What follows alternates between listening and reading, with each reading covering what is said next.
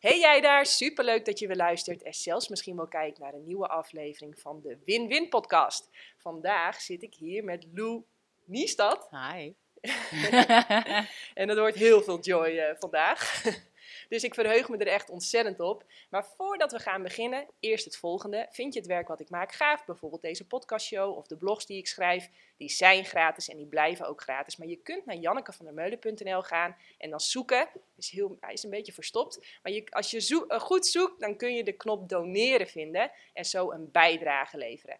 Nou, dat gezegd hebbende, welkom Lou. Dankjewel. Ja, jij werd... Uh, al vroeg moeder, nog vroeger ongeveer oma. Ja. Je hebt boeken geschreven. Ja. Um, ja, je, je, je staat bekend eigenlijk om je manifestatiekracht of de ja. kennis die je daar ook over Ja. hebt.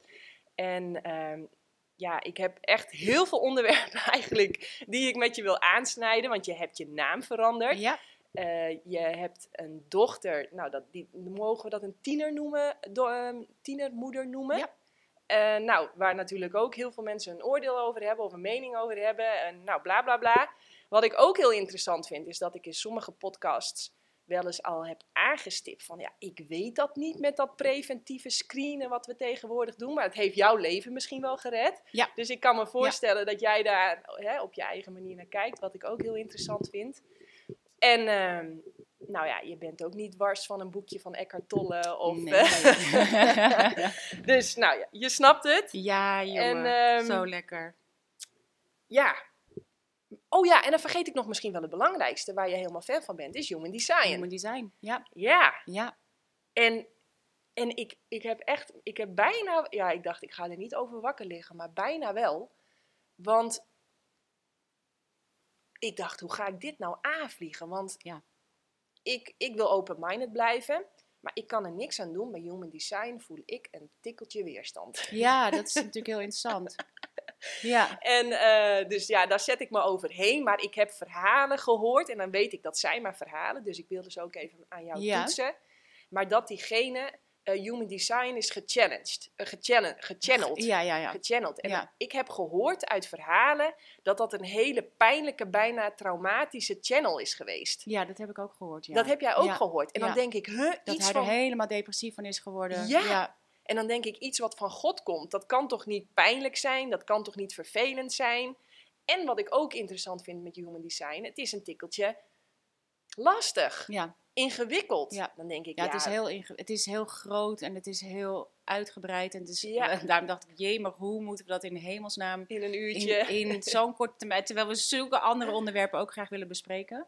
Ja. Uh, maar ik snap dat wel, ja. En ik, ik denk op, de, het eerste stukje, kijk, ja, het is gechanneld. Maar je, wij zijn net als wij. Wij blijven natuurlijk toch ook gewoon menselijk. Ego doet mee. Dus ik, ik denk ja dat het channelen zelf kan heel puur en zuiver zijn. En dan vervolgens wat het met hem doet, hem depressief maken. Ja, ja maar ik had dus ook in de verhalen, maar ja, dat zijn dus verhalen dat ook de channel zelf, dat dat zoveel licht was, dat dat zo pijnlijk was, dat de hond uh, een week lang eigenlijk totaal los op de grond heeft gelegen, omdat hij het bijna niet overleefde. En toen dacht ik, ja, oh, waarheid en, en als God spreekt, of wat we, hoe we de, de bron of het, de universele intelligentie ook maar willen noemen, ja, dan is dat volgens mij altijd simpel, helder, makkelijk te begrijpen, ja. heel liefdevol, zacht. Ja.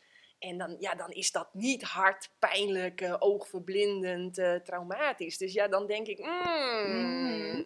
Mm. Ja, nou, ik denk dat het, kijk, voor mij human design, maar ik denk dat het echt, het is zo'n uitgebreid onderwerp en het is, uit, en het is uiteindelijk geworden, hè, want uiteindelijk denk ik dat het misschien relatief simpel was, de eerste download en dan vervolgens meer, meer, meer.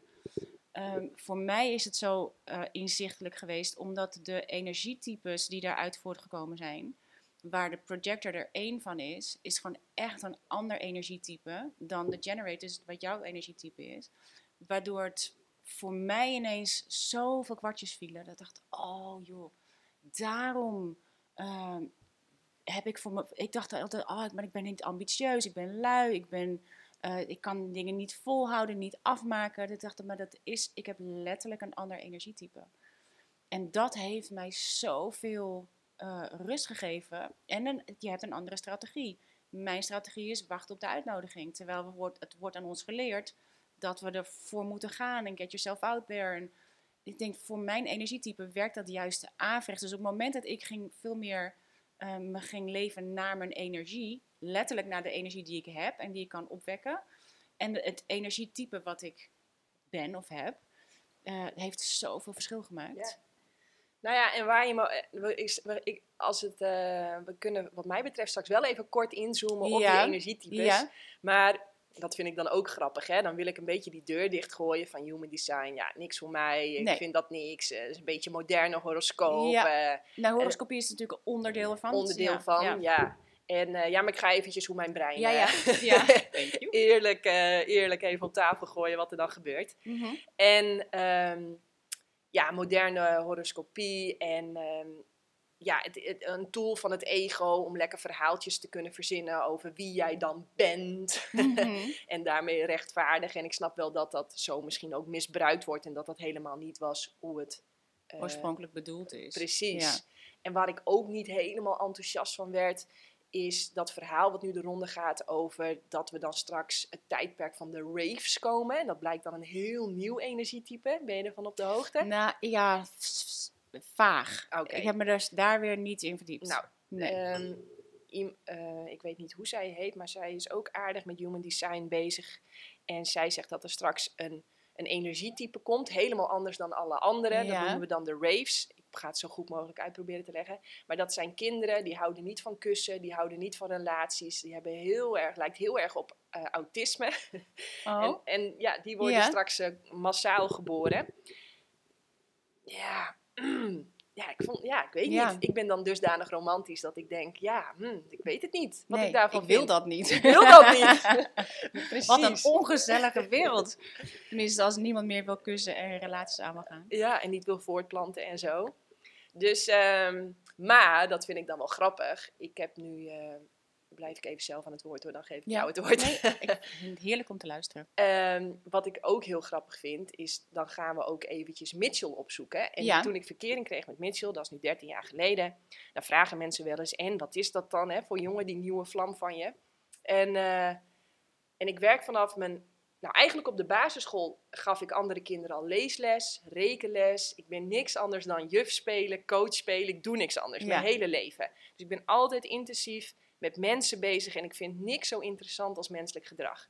En toen kreeg ik verkering met Mitchell en ik kon niks anders zeggen als, nou, dit is zo'n bijzondere vogel. Ik ken niemand zoals hem. Ik ken niemand zoals hem. Niet omdat ik verliefd was, maar echt als ik uit ging zoomen en objectief en mijn roze bril afdeed, ja. dan zag ik dat. En toen gingen we zijn human design ja. opzoeken.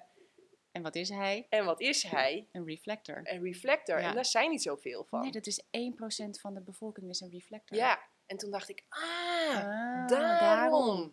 Ja, dus ik denk inderdaad en dan heb je een beetje, hè? en de reflectors, met name, dat het voor hen zo'n eye-opener is. Omdat het is echt, jij zei meteen, oh, hij is een unicorn. Het is echt een ander species. We zijn wel allemaal hè, human beings, maar we, zijn, we hebben allemaal een ander energietype. En dat is wat hij is als energietype, of wat hij heeft. Je bent, ik weet niet of je het bent, ik denk dat je een energie hebt. Um, maar kun je daar wat over uniek. vertellen? Wat, wat voor vijf uh, human design? Wat is het? Wat, wat kun je ermee? Ja, Hoe heeft dus, het jou geholpen? Dat heb je ja, al een beetje verteld. Het is een, uh, inderdaad een gechannelde... Um, ja, het is een combinatie van, van verschillende dingen als de I Ching, horoscopie. Uh, ik ben alweer de helft vergeten, want ik ben maar helemaal ingestort en opgestort. En dan vervolgens laat ik het allemaal weer los en denk, oh ja, hoe zat het ook weer precies? Maar het is in ieder geval een samensmelting van de moderne en de, en de ancient uh, wijsheden. En daar zijn vijf energietypes uitgekomen. Of eigenlijk vier en één is een, is een samensmelting. Hybride vorm. Een hybride vorm. Dus je hebt de manifester. De manifester is nou, ongeveer... Tenminste, zo was het. Hè, want het is wel aan het verschuiven aan de hoeveelheid van mensen. Nu zijn er bijvoorbeeld ook veel meer projectors bijgekomen. Wat voorheen ook een soort van um, uh, waren we met 20% of zo. En nu begint dat veel groter te worden. Um, de manifester is, was altijd 9%. Ik weet niet precies hoe dat nu is. En dat is, dat is eigenlijk de enige waar Just Do It voor werkt. Die zijn hier echt om initiatief te nemen. Om een soort van rechtstreekse channel te zijn met dat universum. Constant downloads en ideeën. Het zijn ook degenen die, in de, die, die vaak ehm, kleiner gehouden worden. Want het zijn enorme, het zijn eigenlijk enorme energieën. Maar daar is, doe maar normaal, dat doe je wel gek genoeg. Weet je, die hele, dat wat bij ons zo heerst. Of niet te veel vragen, of je moet niet, hè, blijf nou toch eens bij hetzelfde. Want die hebben continu ideeën, zijn alweer uitgekeken erop, gaan naar het volgende. Hebben het idee dat ze ehm, nooit goed genoeg zijn, omdat ze niet vaak de ruimte krijgen. Want wij leren de kinderen om te vragen. Manifestors, die delen mee. Die informeren de ander. Dus wij moeten manifestors, als we manifestors als kinderen hebben, leren om hoe je kunt informeren. Want wij zeggen gelijk, dat moet je netjes vragen. Stay the magic word. Maar voor deze is het belangrijk dat ze kunnen informeren. Dit is wat ik ga doen. Eigenlijk, nou, dat vinden wij van kinderen niet heel snel goed. Dus uh, dat zijn, en de, alle energietypes die hebben een, een signature feeling. Wat wil zeggen, het gevoel wat je hebt als je in alignment bent. Dat je denkt, oh, ik zit echt lekker erin. Ik zit goed in mijn energie. Dat is voor een manifest een gevoel van vrede. Van een gevoel van, ah, lekker man, alles werkt lekker. Maar je hebt een, uh, een, ook een gevoel, dat noemen ze de not-self theme. Wat wil zeggen dat je uit alignment bent. En dat is voor de manifester woede. Echt, is, ze kunnen woedend zijn omdat ze denken, geef me toch eens een beetje ruimte om te doen wat ik wil doen. En die worden vaak klein gehouden. Dus voor manifestors, maar zij zijn eigenlijk de enige die kunnen zeggen, dit is wat ik ga doen. Ik, ik neem het initiatief, ik ga ervoor. En, en een ander, als een manifester binnenkomt die in alignment is, wow, dan word je echt omvergeblazen. Want die staan echt ergens voor. Maar we, we, hebben er niet heel veel die in alignment zijn, omdat wij ze uit alignment gehaald hebben. Ja, het school, ik, ik uh, wat ik ook direct hoor, is het schoolsysteem. Ik kan me voorstellen dat zij denken van, ja, wat gaat die juf nou vertellen? Ik heb zelf ideeën, ik wil het zelf bedenken. Ja. Uh, ik ga niet achter jou aanlopen, loop maar achter mij aan. Ja, en ook wat ze moeilijk vinden, is dingen afmaken. En daar zijn ze ook niet geschikt voor. Daar zijn de andere energietypes voor nodig. Zij zijn van het initiatief nemen, het idee bedenken en vervolgens willen zij iets anders doen. Dus dan hebben we de generators nodig.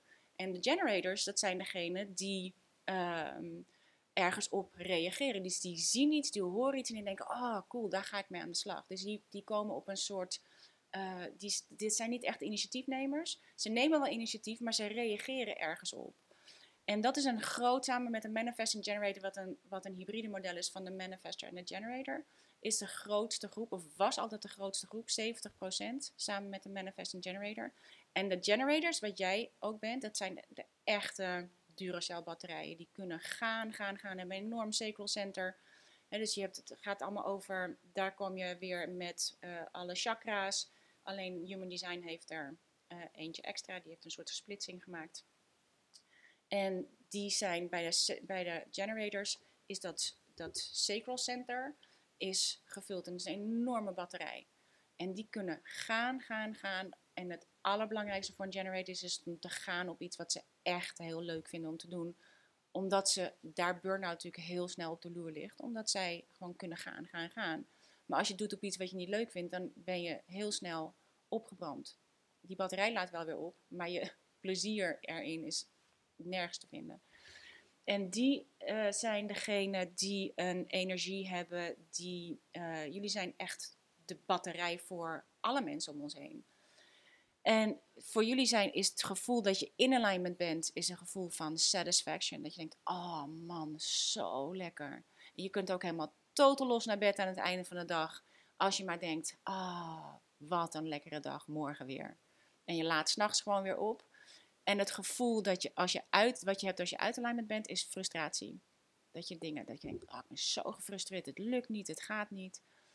Dus dat is de generator. Manifesting generator is de combinatie tussen de manifester en de generator. Dus hier zitten we al, dus zitten we al in zo'n ruim stuk. Dat ik denk, oh ja, ik vind het nu al saai.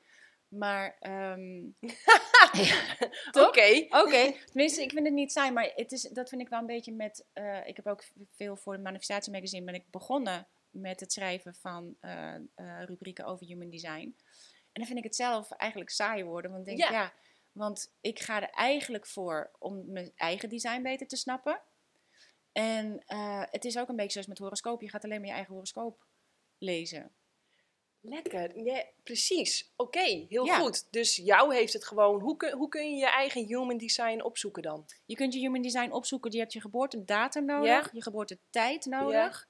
Die is vooral belangrijk en die hebben we niet allemaal. Je kan Nee. je opvragen bij het, bij het gemeentehuis. Eh, ouders weten het vaak wel, maar dat is eentje die lastig is. Want je wil eigenlijk wel zo accuraat mogelijk je tijd weten, omdat het niet eens zozeer eh, verschil maakt voor je design zelf. Tenzij je er echt helemaal naast zit, maar het heeft te maken met al die gates die je. Dus het is, daarom, het is zo ingewikkeld. eh. Ja, precies. Nou ja, dan haak ik dus af. En, Ja. en, en ik merk ook dat ik dan duizend vragen heb. Want Ja. dan denk ik, nou, Duitse, dat is ongeveer de enige die, die ik ken. Die echt helemaal op haar eigen moment, haar eigen tijd is geboren. Er is niemand die zich daarmee heeft bemoeid. Maar als ik naar mezelf kijk, dan denk ik al, ja, dat, dat weet je, ik ben eruit getrokken met een tang, sorry, met Ja. alle respect. Maar dan denk ik, ja, is dan in een, in, Ja. Een, in een tijdperk waar we geen GPS-horloges, hè, niet dat ik 100 Ja. ben, maar goed. dat had je toen gewoon niet. GPS is toch gewoon nog, steeds heel nieuw. En ja, dan denk ik, ja, weet je, is dat, wordt het dan niet dan al mee geknoeid? En, en al die opgewekte kinderen dan? Of staat dat dan al in je blauwdruk, weet je? Ik heb dan heel veel vragen dat ik denk, hmm, Ja. Ik vind dat ook Hmm. lastig. Omdat je, ik denk wel dat het allemaal, dat, hè, als we vanuit gaan dat alles met een reden is, dat dat allemaal bij elkaar hoort. Ja. Dat je daardoor wel kan zeggen, kijk, en human design is in principe, eh, is het 88 dagen voordat je geboren bent, is je echte blauwdruk. Dus ik denk dat het moment van geboorte is wel een belangrijk moment. En het is precies hoe de planeten staan en de, hè, dat is waar die astrologie weer terugkomt. Of het nou echt uitmaakt of je opgewekt bent, of je eruit getrokken bent, of dat je helemaal op je eigen tijd komt. Ja, dat laatste lijkt me per definitie fijner om te starten in dit leven. Hè? Dus het is lijkt me al behoorlijk traumatische ervaring. Dus dat je dat op je eigen tijd mag doen eh, en dat je dat je rest van je leven mag blijven doen, dat is een godsgeschenk. Dus, ehm, en Douds is natuurlijk een projector. En dat is heel interessant. Jij bent zo'n powerhouse met van die enorme eh, batterijen. ehm, samen met een reflector. Die heeft geen enkele definitie in zijn chart. En Doutse is een projector. En die eh, moet dus wachten op de invitatie. eh, is ook, kan ook luier zijn dan dat jij bent. Ehm, nou, voor Mitchell is het natuurlijk ook al een soort... Ja, die, die zal niet de energie hebben die jij hebt. Dus, maar wij, zij leven natuurlijk van, jij bent letterlijk hun batterij. Zij, zij kunnen meeliften op jouw Ja, energie. en, en, en die vind ik dus dan ook weer lastig. Want Ja. dan denk ik, ja, als ik niet goed eet en als ik niet goed slaap, dan, dan is het heel snel klaar hè, met mijn Ja, energie. ja. Dan, eh, dan, dan ja. die batterijen die kunnen heel veel. Maar ik moet dat wel non-stop faciliteren. Als ik dat niet doe, ja. Dan lig ik ook dan liggen Nou ja, human de design is ook, vind ik ook wel, dat vind ik wel leuk van human design. Het geeft je ook richtlijnen over wat jouw eh, digestion is. Dus hoe jij verteert. Letterlijk hoe je je eten verteert. En wat, wat voor, niet per se wat voor soort eten, maar ehm, wel hoe jij het verteert. Maar dat is hoe je kennis verteert, hoe je je eten verteert, hoe je, hoe je eh, alle input die je tot je neemt, hoe je dat verteert. En het is voor ons allemaal denk ik belangrijk om ons te voeden met energie. En zeker als je niet die energie hebt in de vorm van. eh, en je kunt er heel lang mee wegkomen. Hè? We kunnen heel lang ehm, eh, gaan op eh, chips en noem maar wat. Ja. Maar uiteindelijk betaal je daar natuurlijk de prijs voor. Ja.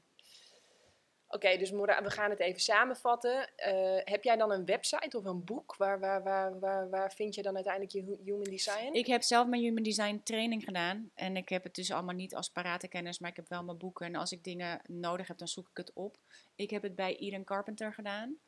Ehm, ik heb net een, ehm, een eh, blurb geschreven voor Jenna Zoe. Ik vind haar heel leuk. Zij, haar boek, zij heeft nu net een boek geschreven over human design. Is nu in het Nederlands vertaald. Komt nou, binnen nu en ergens in september volgens mij uit. Eh, ik vind haar heel leuk. Zij is een projector, dus zij is voor mij ook wel een goed voorbeeld van iemand die in alignment is met haar energietype.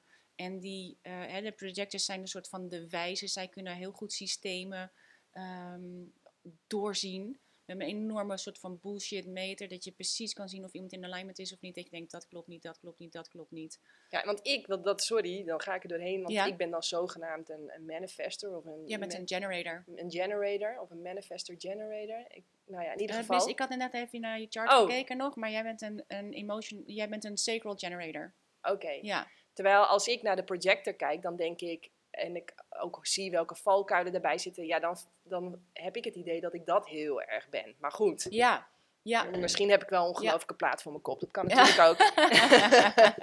nee, Ja. maar ik denk, kijk, en dat is natuurlijk een beetje, dat is ook met, eh, eh, we hebben natuurlijk al die energie. Je hebt gewoon een soort voorkeursenergie. Maar het wil niet zeggen, en de projecties die zijn in principe ook hier om aan de mensheid te laten zien dat er een andere manier van werken is. Ja. Want we zijn natuurlijk, we hebben al die tijd al die gaan, gaan, gaan energie nodig gehad om alles Ja. op te bouwen. En zo, maar nu, eigenlijk staat alles. Nu zou je veel makkelijker, veel, eigenlijk allemaal veel meer achterover kunnen leunen. Ja, Dingen naar je maar dat is ook stromen. constant waar ik op coach Ja. en waar ik op aanstuur. Ik zeg ook altijd, iedereen kap met je baan. Ga gewoon levenslang op vakantie. Stap uit dat systeem. Ja, ja, stap uit het Eh, systeem. ja.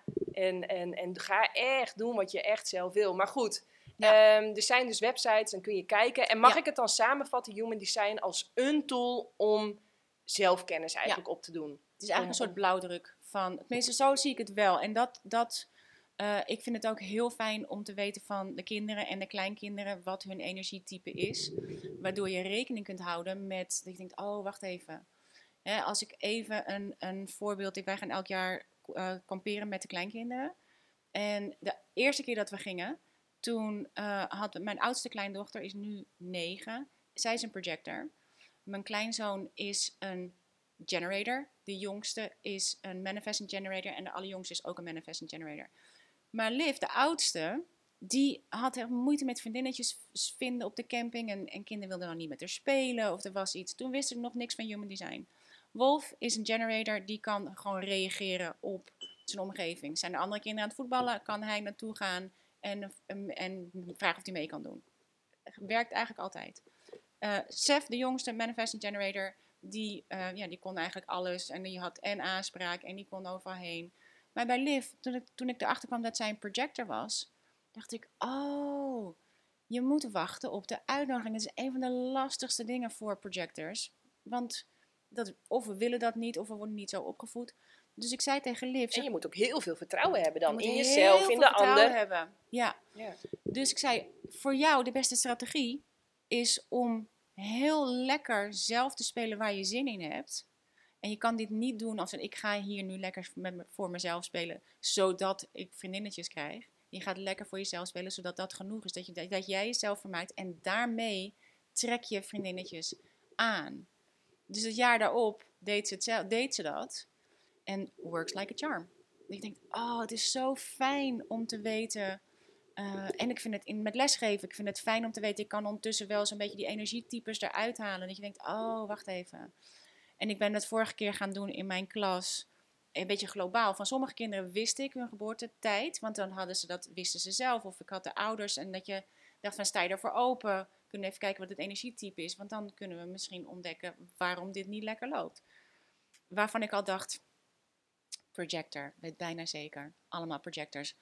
Later dacht ik, ik kan wel, ik heb van, wel van alle kinderen de geboortedatum, maar niet de geboortetijd. Dus dan kan je een soort eh, estimate doen. Dus ik dacht, ik zet alles gewoon op, op eh 12 uur 's middags en dan kijk ik wat er gebeurt. Dus het is niet helemaal accuraat, want het kan natuurlijk verschuiven. Het kan ook je energietype kan verschuiven. Maar zo kwam ik uit op iets van 14 projectors in mijn klas, 4 manifestors, 1 reflector. En de rest was een manifesting generator van generators. Die Dat waren klopt wel. in- eh. ja, maar gek genoeg, die waren dus in de minderheid nu. Ik had er, daar waren er zeven of zo van. Terwijl die normaal gesproken altijd in de meerderheid zijn. En ik dacht, er komen dus gewoon echt meer projectors. En daardoor snapte ik ook ineens waarom ik die groep ineens had. Ik dacht, oh, ons schoolsysteem is niet geschikt voor, is in principe geschikt. Het is eigenlijk überhaupt niet geschikt, maar geschikt voor eh, generators en manifesting generators. Gewoon omdat, puur omdat ze het qua energie kunnen. Maar de manifestors, dat ik dacht, oh, nu snap ik waarom je zo moeite hebt met iets afmaken. Want je hebt alweer een nieuw idee, je wil alweer iets anders doen. En dat is waar de, eigenlijk de, de generator op reageert. En denkt, oh, wacht even, dat ga ik even... Die, hè, de, als je dat weet... Ik denk, als jij voor jezelf je leven in gaat richten... moet je dus ook zorgen dat je mensen hebt... Die, waaraan jij je idee kunt geven, die het voor je gaan uitwerken. En waarom bij de projectors dat je denkt, oh, dat moet echt tijd voor niks in de klas. Achteroverleunen, niks doen, Lummelen, lummelen. uit je neus eten, wolkjes stellen. Ja. Ja, Ja, oké, maar goed. Dus het laat, het, het, eh, ja, ik, ik wil niet oneerbiedig zijn, maar het laat gewoon zien, we zijn allemaal verschillend. Ja. Eh, ja, zo ver waren we allemaal wel al, denk ik. en, en het, maar het laat wat mij betreft ook zien dat dat schoolsysteem, dan willen we natuurlijk 30 kinderen door dezelfde Ja, mal heen is- drukken. Ja, en dat werkt gewoon niet. Nee, Dat werkt gewoon het kan niet. niet. Nee. En, ehm, het gaat ten koste van, van, ja, van je authenticiteit, van je, van je energie. originaliteit. Ja. Precies, van je creativiteit, Ja. van wie jij echt bent, Ja. wat jij... eh, ja. Hey, maar wel een eh, hele mooie brug. Ik, ik wilde al op twee dingen aanhaken. Eén, want jij eet helemaal veganistisch, als ik het goed heb begrepen. Eh super gaaf. Wil ik natuurlijk alles over weten. Waarom en hoe doe je dat en bla bla bla. Maar ik hoor ook, en dat vind ik ook interessant, dat aan de ene kant denk je dat onderwijssysteem. mm, mm, mm, Mhm. En aan de andere kant word je er heel erg naartoe getrokken. Ja. Ja. Zullen we beginnen met eten? Goed? Ja. Want, want hoe is dat ontstaan? Dat je deze, Eh, weten dat- mensen dat van jou? Dat je veganistisch Eh, eet? ja, het is niet iets wat ik, waar ik heel... eh, Nee. Nee, het is gewoon iets wat ik doe. Het is niet iets wat ik, wat ik, waar ik voor sta of uitdraag. Of, eh, maar dat is begonnen toen ik als model in Parijs woonde. En ik, was, zat, ik woonde in een modellenappartement. En er waren nog twee andere modellen uit Amerika. En één daarvan was vegan. En, of misschien was het toen ve- vegetarisch. Nee, ik denk dat zij wel vegan was toen al. En ehm, daar, dat, dat opende bij mij een luik. En ik dacht, oh, daar heb ik gewoon nog nooit over nagedacht. Dus het waren de gesprekken met haar. En het was nog helemaal in de opkomst van reformwinkels. Had je toen nog, weet je, van die ja, hele ja. aparte winkeltjes waar je dingen kon halen. Dus toen ben ik me daarvoor gaan, eh, gaan interesseren. Dan mocht je alleen met bruine kleding en, en sandalen mocht je daar komen. Zo'n beetje wel, nou, ja. het was echt zo. Als ik daar dan in mijn sportpakje Ja. kwam en met iets te felle kleuren, dan eh, werd je wel al aangekeken hoor. Ja, dan was je niet, niet geitenwolle sok genoeg. dat, nee, maar dat is wel Nee. helemaal veranderd. dat is helemaal veranderd. In de afgelopen twintig jaar is het echt... eh, Ja. Maar Ja. goed, Maar dat wat wa- trok jou dan? Eh, ik had gewoon nog nooit nagedacht over dierenleed. En over dat dat. Ik, ik, ja, er ging in dat opzicht een wereld van me open. Het is dus voor mij echt. Het is niet per se voor mijn eigen gezondheid of voor. Maar ik dacht, ja, waarom zou ik dat eigenlijk doen op die manier? En toen ben ik ehm, in eerste instantie vegetarisch gaan eten. Maar al heel snel daarna werd ik zwanger van mijn oudste. Die kwam in mijn geval ook onverwacht. Toen was ik 25 en ik was op mijn 24ste begonnen met ehm, vegetarisch eten.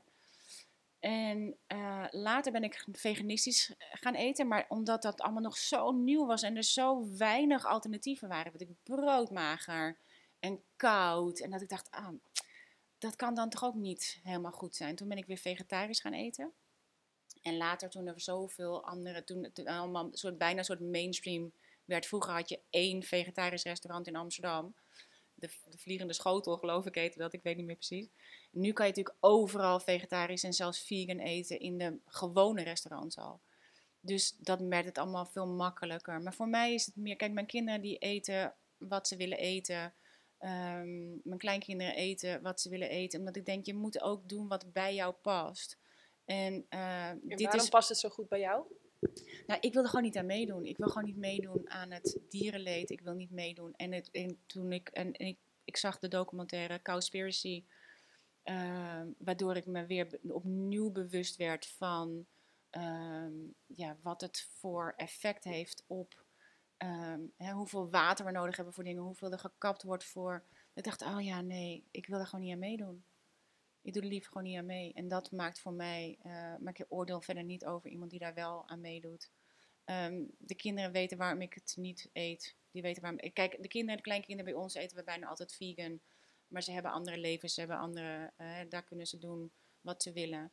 En, of vegetarisch is het meestal bij ons. Dan kunnen degenen die dat wel willen eh, voor kiezen. Maar er zijn, als de, mijn schoonzoon komt en dan wordt hij gebarbecued, dan regelt hij dat verder ook zelf. Ze hebben hun eigen barbecue, ze hebben hun eigen dingen. Ik wil niemand iets opleggen. Het is meer voor mezelf dat ik denk, ik wil er niet aan meedoen. Ik voel me beter als ik eh, zo eet. En, ehm, eh, dus het is voor mij eigenlijk een soort non-issue. Het is niet iets, hè, voor, wij, voor jou is eten natuurlijk echt een, een dat jij weet er alles van. Je bent, en voor mij is het veel meer een soort, ehm, ik doe daar niet aan mee, dus dit blijft over.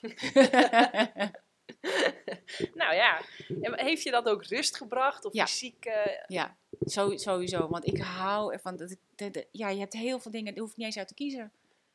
Zo lekker. ja, ik vind dat ook echt één van de voordelen. Groot dat, voordeel. eh, we gingen laatst aardappeltjes eten en daar moest natuurlijk even mayo bij. Dus ik ga naar de plus op mijn fietsje en ik kom daar bij het schap. Weet je hoeveel mayo er alleen normaal. al is? Niet normaal. En dan denk ik, oké, even checken. Nou, er bleven twee over. ja. ja, ja, lekker Toen dacht makkelijk. ik, nou, ik neem ze beide mee. Ja. Ja, ja. En, dat, en dat voelt voor mij dan echt. Of we komen in een grote stad hè, met dat roeien. Dan reizen we de hele wereld over. En dan, nou, dan kijken we even op Happy Cow. Oké, blijven drie tentjes over. Ja. Welke is dichtstbij Ideaal. in de buurt? Ja. Hoppakee. Ja. Dus ja, ik vind het... Heel veel mensen denken dat het je dingen kost. En dat Nee. het moeite is. Ja, ik vind het Totaal zo... niet zelfs. Nee, ik vind het zo makkelijk. Ja. Super veel makkelijker. Ja. Ja, het ook- maakt gewoon heel veel keuzes. Je hoeft heel veel keuzes niet te maken. Je hebt van al die, die mogelijkheden die je hebt. Je denkt, oké, je zoomt gelijk in op dat je denkt, oh, daar moet ik zijn. En in dat frame denk ik, dat wil ik, dat wil ik, dat wil ik. Rust, achteroverleunen. En denk, ah, lekker. Ja, Ja, herken ik me heel, heel erg lekker. in. Ja, heel leuk. lekker. Ja. hey, en ehm, je wordt ook steeds weer naar dat onderwijs toegetrokken. Ja.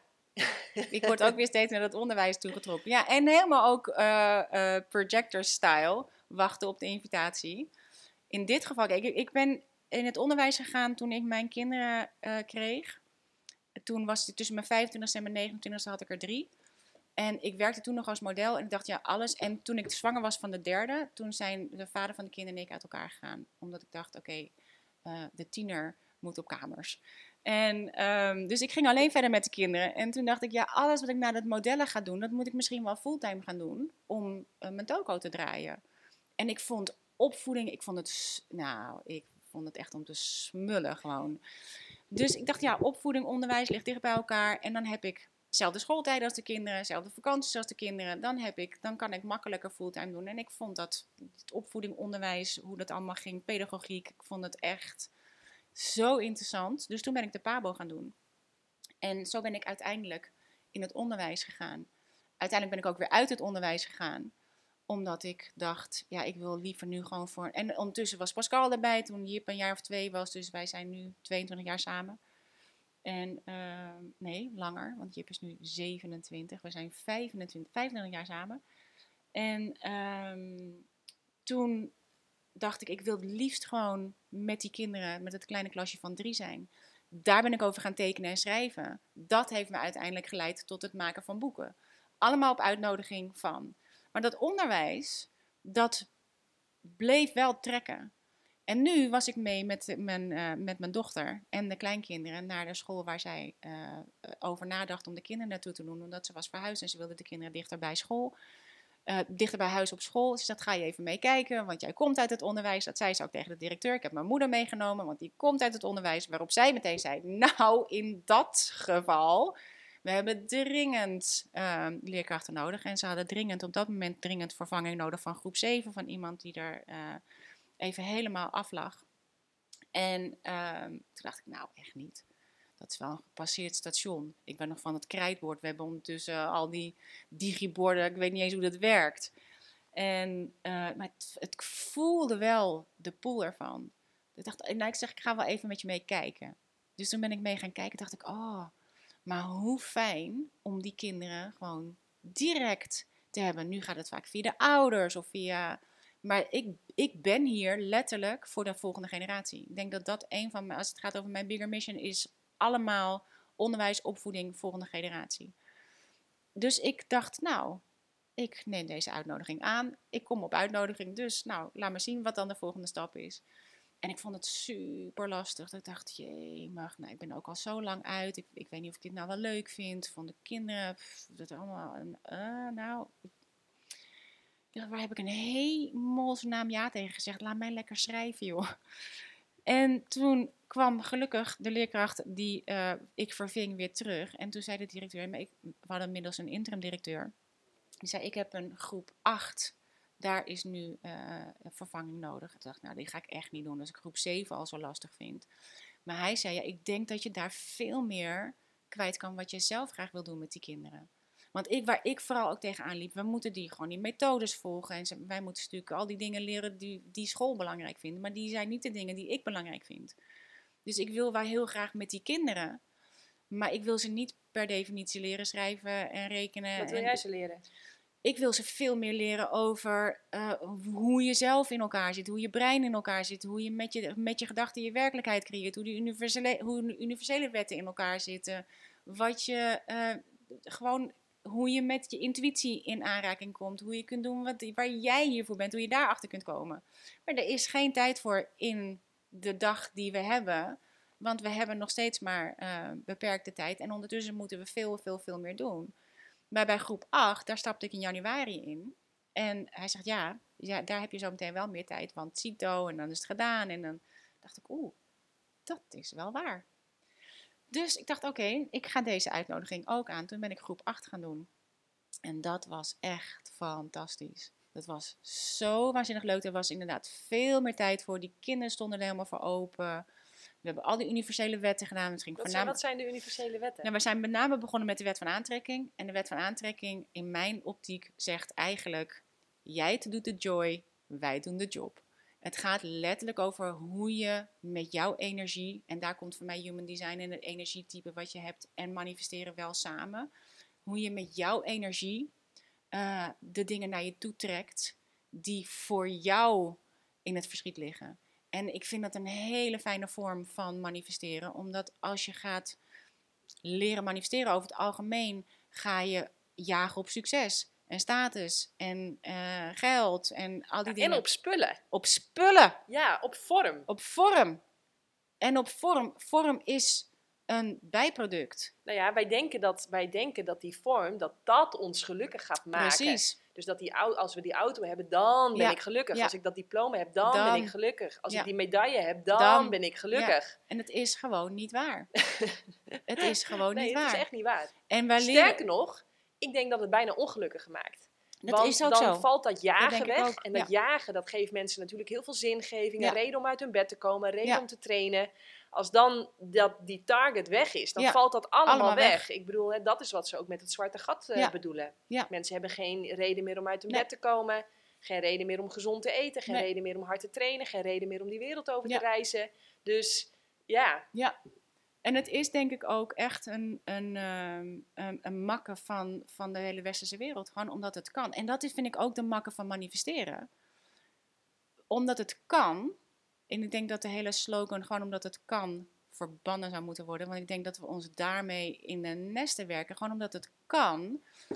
Doen we dingen die helemaal niet goed voor ons zijn. Gewoon omdat het kan, jagen we dingen naar. We kunnen het ook manifesteren. En je manifesteert het ook alleen maar om erachter te komen dat daar inderdaad die pot met goud niet ligt. Sterker nog, hoe meer we manifesteren, zeker als het gaat om materie, hoe vaster we komen te zitten, hoe minder vrij we ons voelen. Hoe minder vrij we ons voelen, hoe, hoe lager we in onze energie komen te zitten. En je hebt eigenlijk gewoon jezelf letterlijk in de nesten gewerkt. Ja, nou ja, ik zie dat ook gewoon bij heel veel ondernemers. Die dan hè, willen ze ondernemer worden, want eh, dat gaat ze dan heel veel vrijheid eh, Ja. opleveren. en, dan, eh, en dan moet ik altijd heel erg lachen, want dan zie ik ze gewoon slaaf worden van hun eigen succes, slaaf van hun eigen Ja. business, slaaf van hun eigen klanten. Dan denk ik, nou, ik heb je nog nooit eigenlijk zo onvrij gezien. Ja, ik weet niet, volgens mij snap je het dan niet. Dus ja, mijn vader zegt ook altijd, groot worden is makkelijk, Janneke. Klein blijven, dat Ja. is de kunst. Ja. En dat is wel echt iets wat ik ook Ja, echt in heel mijn oren mooi. heb geknoopt. Eh, waar jij volgens mij ook het levende Ja. voorbeeld van bent. Waar je zelfs boeken over Ja. hebt geschreven. Les is luxe. Ja, ja, ja. Ehm, maar kun je ons een beetje meenemen? Dus jij manifesteert niet op, eh, op spullen. Nee, Sterker nog, eh, nee. hoe minder spullen, hoe vrijer ik me voel. En hoe makkelijker dingen stromen. Dus ik manifesteer op een frequentie. Omdat we, hè, als je gaat kijken naar het kwantumveld. eh, ja, we maken natuurlijk wel enorme sprongen. Dit is wat ik dus echt ook even heb gedaan met de kinderen in de klas. Omdat ik denk, daar leren we ze namelijk al om doelen na te streven. Om, om, hè, we, we, we zeggen al, je moet nu al kiezen wat je wil gaan doen en wat je wil worden en wat je wil, wat je beroep wordt, waar jij je, je spullen mee gaat vergaren enzovoort. Terwijl als je nu al gaat kijken naar wat vind ik nou, wat geeft me joy?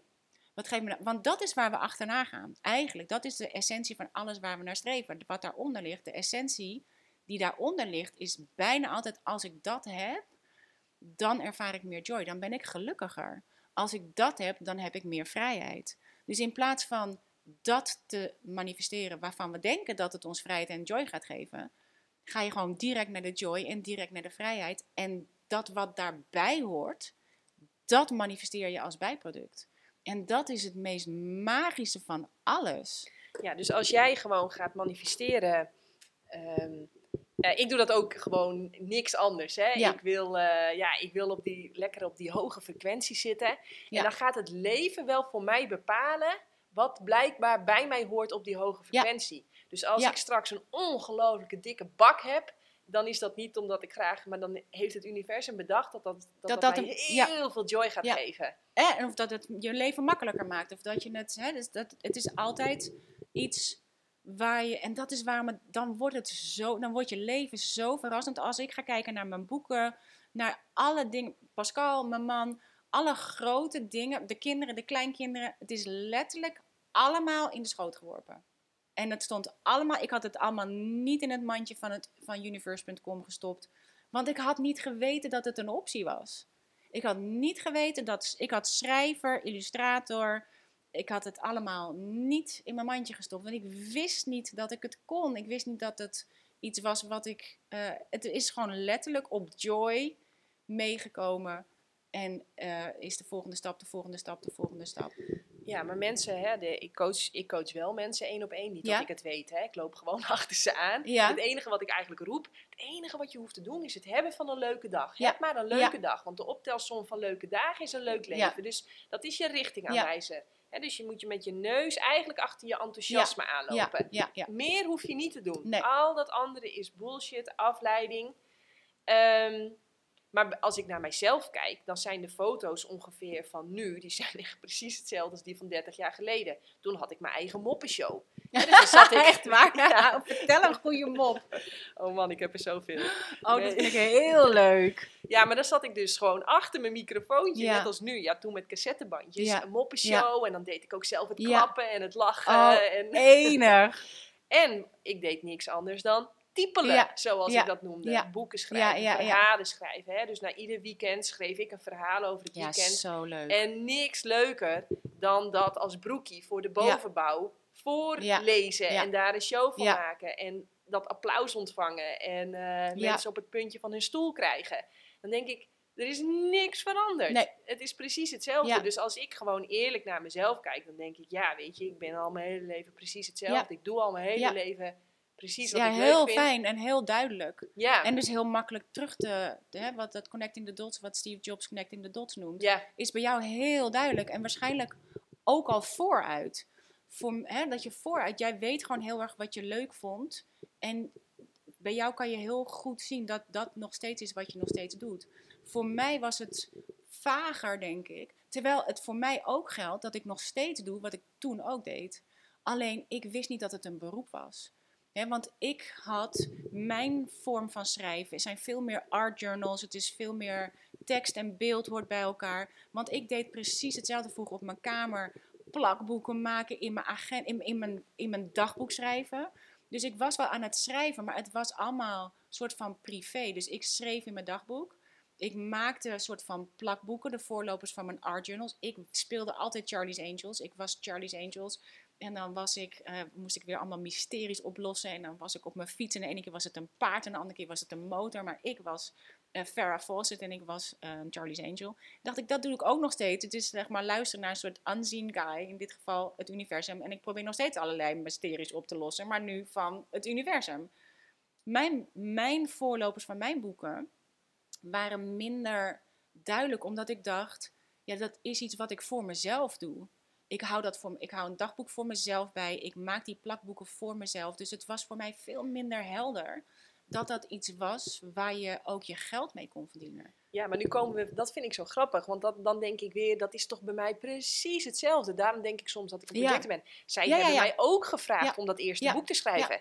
En ik dacht, Ja, maar schat, je bent gewoon in alignment. wie wil, nou, wie wil nou weten hoe ik eet? Dat is toch Ja. voor mij? Ja, Eh, wie vindt het nou interessant dat ik alles biologisch, alles plantaardig, heel veel fruit, wie interesseert dat nou? Dat is toch voor mij? Dus, maar toen zeiden ze nee, dat is echt bijzonder en dat is leuk en je combineert dat met je sport. En toen ja, heeft Ja. Ecoplaza dus letterlijk Ja. gevraagd, schrijf je eerste boek. ja. En dan denk ik, ja. Maar dit is ook gewoon hoe het universum werkt. Want ja, het is eh, specifiek voor de projector. Die moet wachten op de uitnodiging. Zeg maar zeker voor die grote dingen. Eh, maar in wezen is het hoe manifesteren werkt. Want als jij de joy doet, doet het universum de job. Die zorgt letterlijk voor de uitnodigingen. Die uitnodigingen zijn voor ons allemaal. Het is voor ons allemaal een. eh, Het is altijd een bij, eigenlijk altijd een bijproduct. Wij hebben het als hoofdproduct gemaakt en daar gaan we achteraan. En we hebben dat als goal. En dat is wat het moet zijn. Terwijl het is, er is ook een wet van oneindige mogelijkheden. Er zijn oneindig veel mogelijkheden in het universum. Maar als wij een goal zetten, ja, als wij er dan met het hoofd tussen gaan komen. dingetje eruit. Ja, ja, ja, ja, ja. Dus wacht even, ik ga hem even op Jip Janneke taal Ja. vertalen. Dus als ik het goed hoor, dan bedoel je eigenlijk te zeggen, je hoeft, je hoeft alleen maar op die hoogste frequentie te gaan Ja. zitten. En dan gaat het universum komen met allemaal wat goed voor jou ja, is. Je denkt, oh, dan weet ik dit ook nog wel voor je. Oh, dan vind je dit ook leuk, dan vind je dit ook leuk, dan vind je dit ook leuk. Ja, precies. Ja. En dan gaat het allemaal heel leuk worden. En dan gaat het stromen. En, ehm, ehm, maar dat is natuurlijk in deze Calvinistische, dit Calvinistisch Nederland, waar we gewoon, eh, ja, doe maar gewoon, dan ben je al gek genoeg. En het kan niet allemaal leuk zijn. Nee. Ik weet nog, hè, ik wilde rechercheur worden. En Ja. dat ik keek dan naar de kok met COCK en dan combineerde die vingerspitsengevoel met, met harde feiten. Ja, Toen dacht ja. ik, ja, dat ben ik. Dat wil ik ook. Hè. Ik Ja. doe dat ook. Ik doe altijd dat die gut feeling. Ja, met-. En eh, met harde feiten. En dat combineer ik. En dan eh, nou, hebben we hele lekkere dingen. en ehm, ik zit eventjes wat ik ook alweer wilde zeggen. Ja. Eh, dat wilde ik. Eh, oh ja, en, ehm, maar ik dacht, ja, ik ga niet opzoeken wie wie heeft omgelegd. Weet je, laat ze dat lekker zelf uitzoeken. Ja, dat, Ja, dat- dat is een sorry, dat vind ik waar dus ik- niet leuk. Nee. Nee, daar wil ik helemaal Nee. niet mee bemoeien. In een wereld waar ik ook helemaal niet. eh, nee, heb ik niks mee. Wat ik wil weten, is hoe je gezondheid krijgt op alle fronten. Ja. Dus ik wil fysiek gezond, ik Ja. wil mentaal gezond, ik wil financieel gezond, Ja. ik wil relationeel gezond, eh, spiritueel, seksueel. Ja. Ik wil, ik wil Ja, alles. Gezond, ja. Nou, dat moet je in Nederland zeggen. Ja, Dan zeggen ze, nou meisje, oké, je kunt wel één ding, maar je kan niet, Niet alles. alles. En dan denk ik, ja, fuck you. Oh, sorry. En daarom kan het ook niet, want dit is gewoon self-fulfilling prophecy. Als wij maar lang genoeg blijven zeggen dat het niet kan, dan is onze overtuiging het kan niet. Het resultaat is het kan niet. Jouw overtuiging is het kan wel, het resultaat is het kan wel. Ja. Het is maar net van wat verwacht jij dat mogelijk is voor jou. Ja, en die, en die vind ik dus wel echt leuk, want ons, ons denken, ons denken is functioneel. Hè? Ik ga ons denken niet afkraken. Nee, ik gebruik ook mijn ja. denken. eh, dat is super functioneel, kun je echt gebruiken. Ja, Eh, maar het is wel heel beperkt ook. Dus als je dat gaat loslaten en je gaat meer inderdaad. Ja, ik denk eigenlijk dat eh achteroverleunen niet misschien alleen voor de projectors, Nee, maar voor ik iedereen. denk, dat, ik denk eerlijk gezegd dat, dat, dat ze dat misschien ook wel bedoelen als ze zeggen de projector is hier om aan de hardwerkende mens te laten zien dat je ook achterover kunt leunen om het naar je toe te laten stromen. En manifesteren gaat allemaal om naar je toe laten stromen. Dat is wat manifesteren is. Wij gaan Ja. er achteraan jagen, maar je wil. En daarmee kan je het wel hè, op de wet van actie en gaan en, en heel goalgericht erachteraan jagen. Daar kan je het mee bereiken. Alleen als je achterover gaat leunen en je laat het naar je toestromen, dan bereik je dingen waarvan je zelf ook niet weet. En dan wordt het zo magisch. Dan wordt je leven gewoon één grote verrassing. Je staat alleen maar met je mond open van Ja, verwondering en je denkt: Oh mijn Ja. god, nou die zag ik echt niet aankomen. Hoe cool is dit? Ja. Ja, en dat maakt echt verschil. En dat vind ik het leuke van, ehm, van dat Connecting the Dots doen. En ik mocht nu op school voor alle groepen, eh, groep 1 tot en met groep 8, mocht ik een hele dag de klas overnemen. En ik mocht het lesmateriaal bepalen. Dus ik mocht zeggen wat we gingen doen. Dus ik heb natuurlijk een hele dag met Een alle soort van groepen... paard van Troje ben jij. Ja, sell them what they want, give them what they need. En ik mocht ehm, zelf bepalen wat ik met ze ging doen. Dus ik heb vanaf groep 1 tot en met groep 8 hebben we, eh ging over manifesteren. Het over manifesteren van je dromen. Maar in dit geval, eh, en dit is inderdaad een Trojan horse. In eerste instantie heb ik ze laten zien hoe je met de woorden die je gebruikt, je gedachten creëert. hoe je de gedachten die je hebt, hoe waar je, dat je daar de frequentie mee uitzendt. En dat je met de frequentie die je uitzendt het resultaat bereikt. Namelijk of een shitty resultaat of je haalt er goud uit. Als je weet hoe dat werkt, Oh, leuk. dan kan je terug engineeren. Denk, oké, ik wil uit dat resultatenboxje, er zit altijd zo'n zo'n drol in, die vinden ze natuurlijk altijd heel geestig, en er zit goud in. Als we daar goud uit willen halen, dan moet ik hier een frequentie uitzenden die positief is. Dan moet ik hier, en niet positief als in goed of slecht, maar in een hoge frequentie. Dan Enthousiasme, ik plezier, Precies. vreugde, spel, avontuur, nieuwsgierigheid. die. Die. dan moet ik gedachten hebben. Die, die, want de frequentie die ik uitzend is een emotie. De emotie die ik heb, die creëer ik met mijn gedachten. Dus ik moet een gedachte hebben die voor een goed gevoel zorgt. Een goed gevoel zorgt voor een hoge frequentie. Hoge frequentie zorgt voor goud uit je resultatenboxen. Om een positieve gedachte te hebben, een goede gedachte, een fijne gedachte, moet ik woorden gebruiken die me een fijn gevoel geven. Dus we gaan kijken naar de woorden nee, geen en niet. Ah, we hebben elke keer een soort alarmbel erop. Dat je je bewust bent dat op het moment dat je Ja, die ik, ga even, gebruikt... ik ga even herhalen, want ik kan me voorstellen dat mensen dat niet verstonden. Ja, Maar woorden ik kan niet, of Ja. nee, of ik wil Geen, niet, geen... niet zijn de woorden die je in de gaten moet houden. Want die zijn automatisch gevolgd, ge- gefocust op wat je niet wil.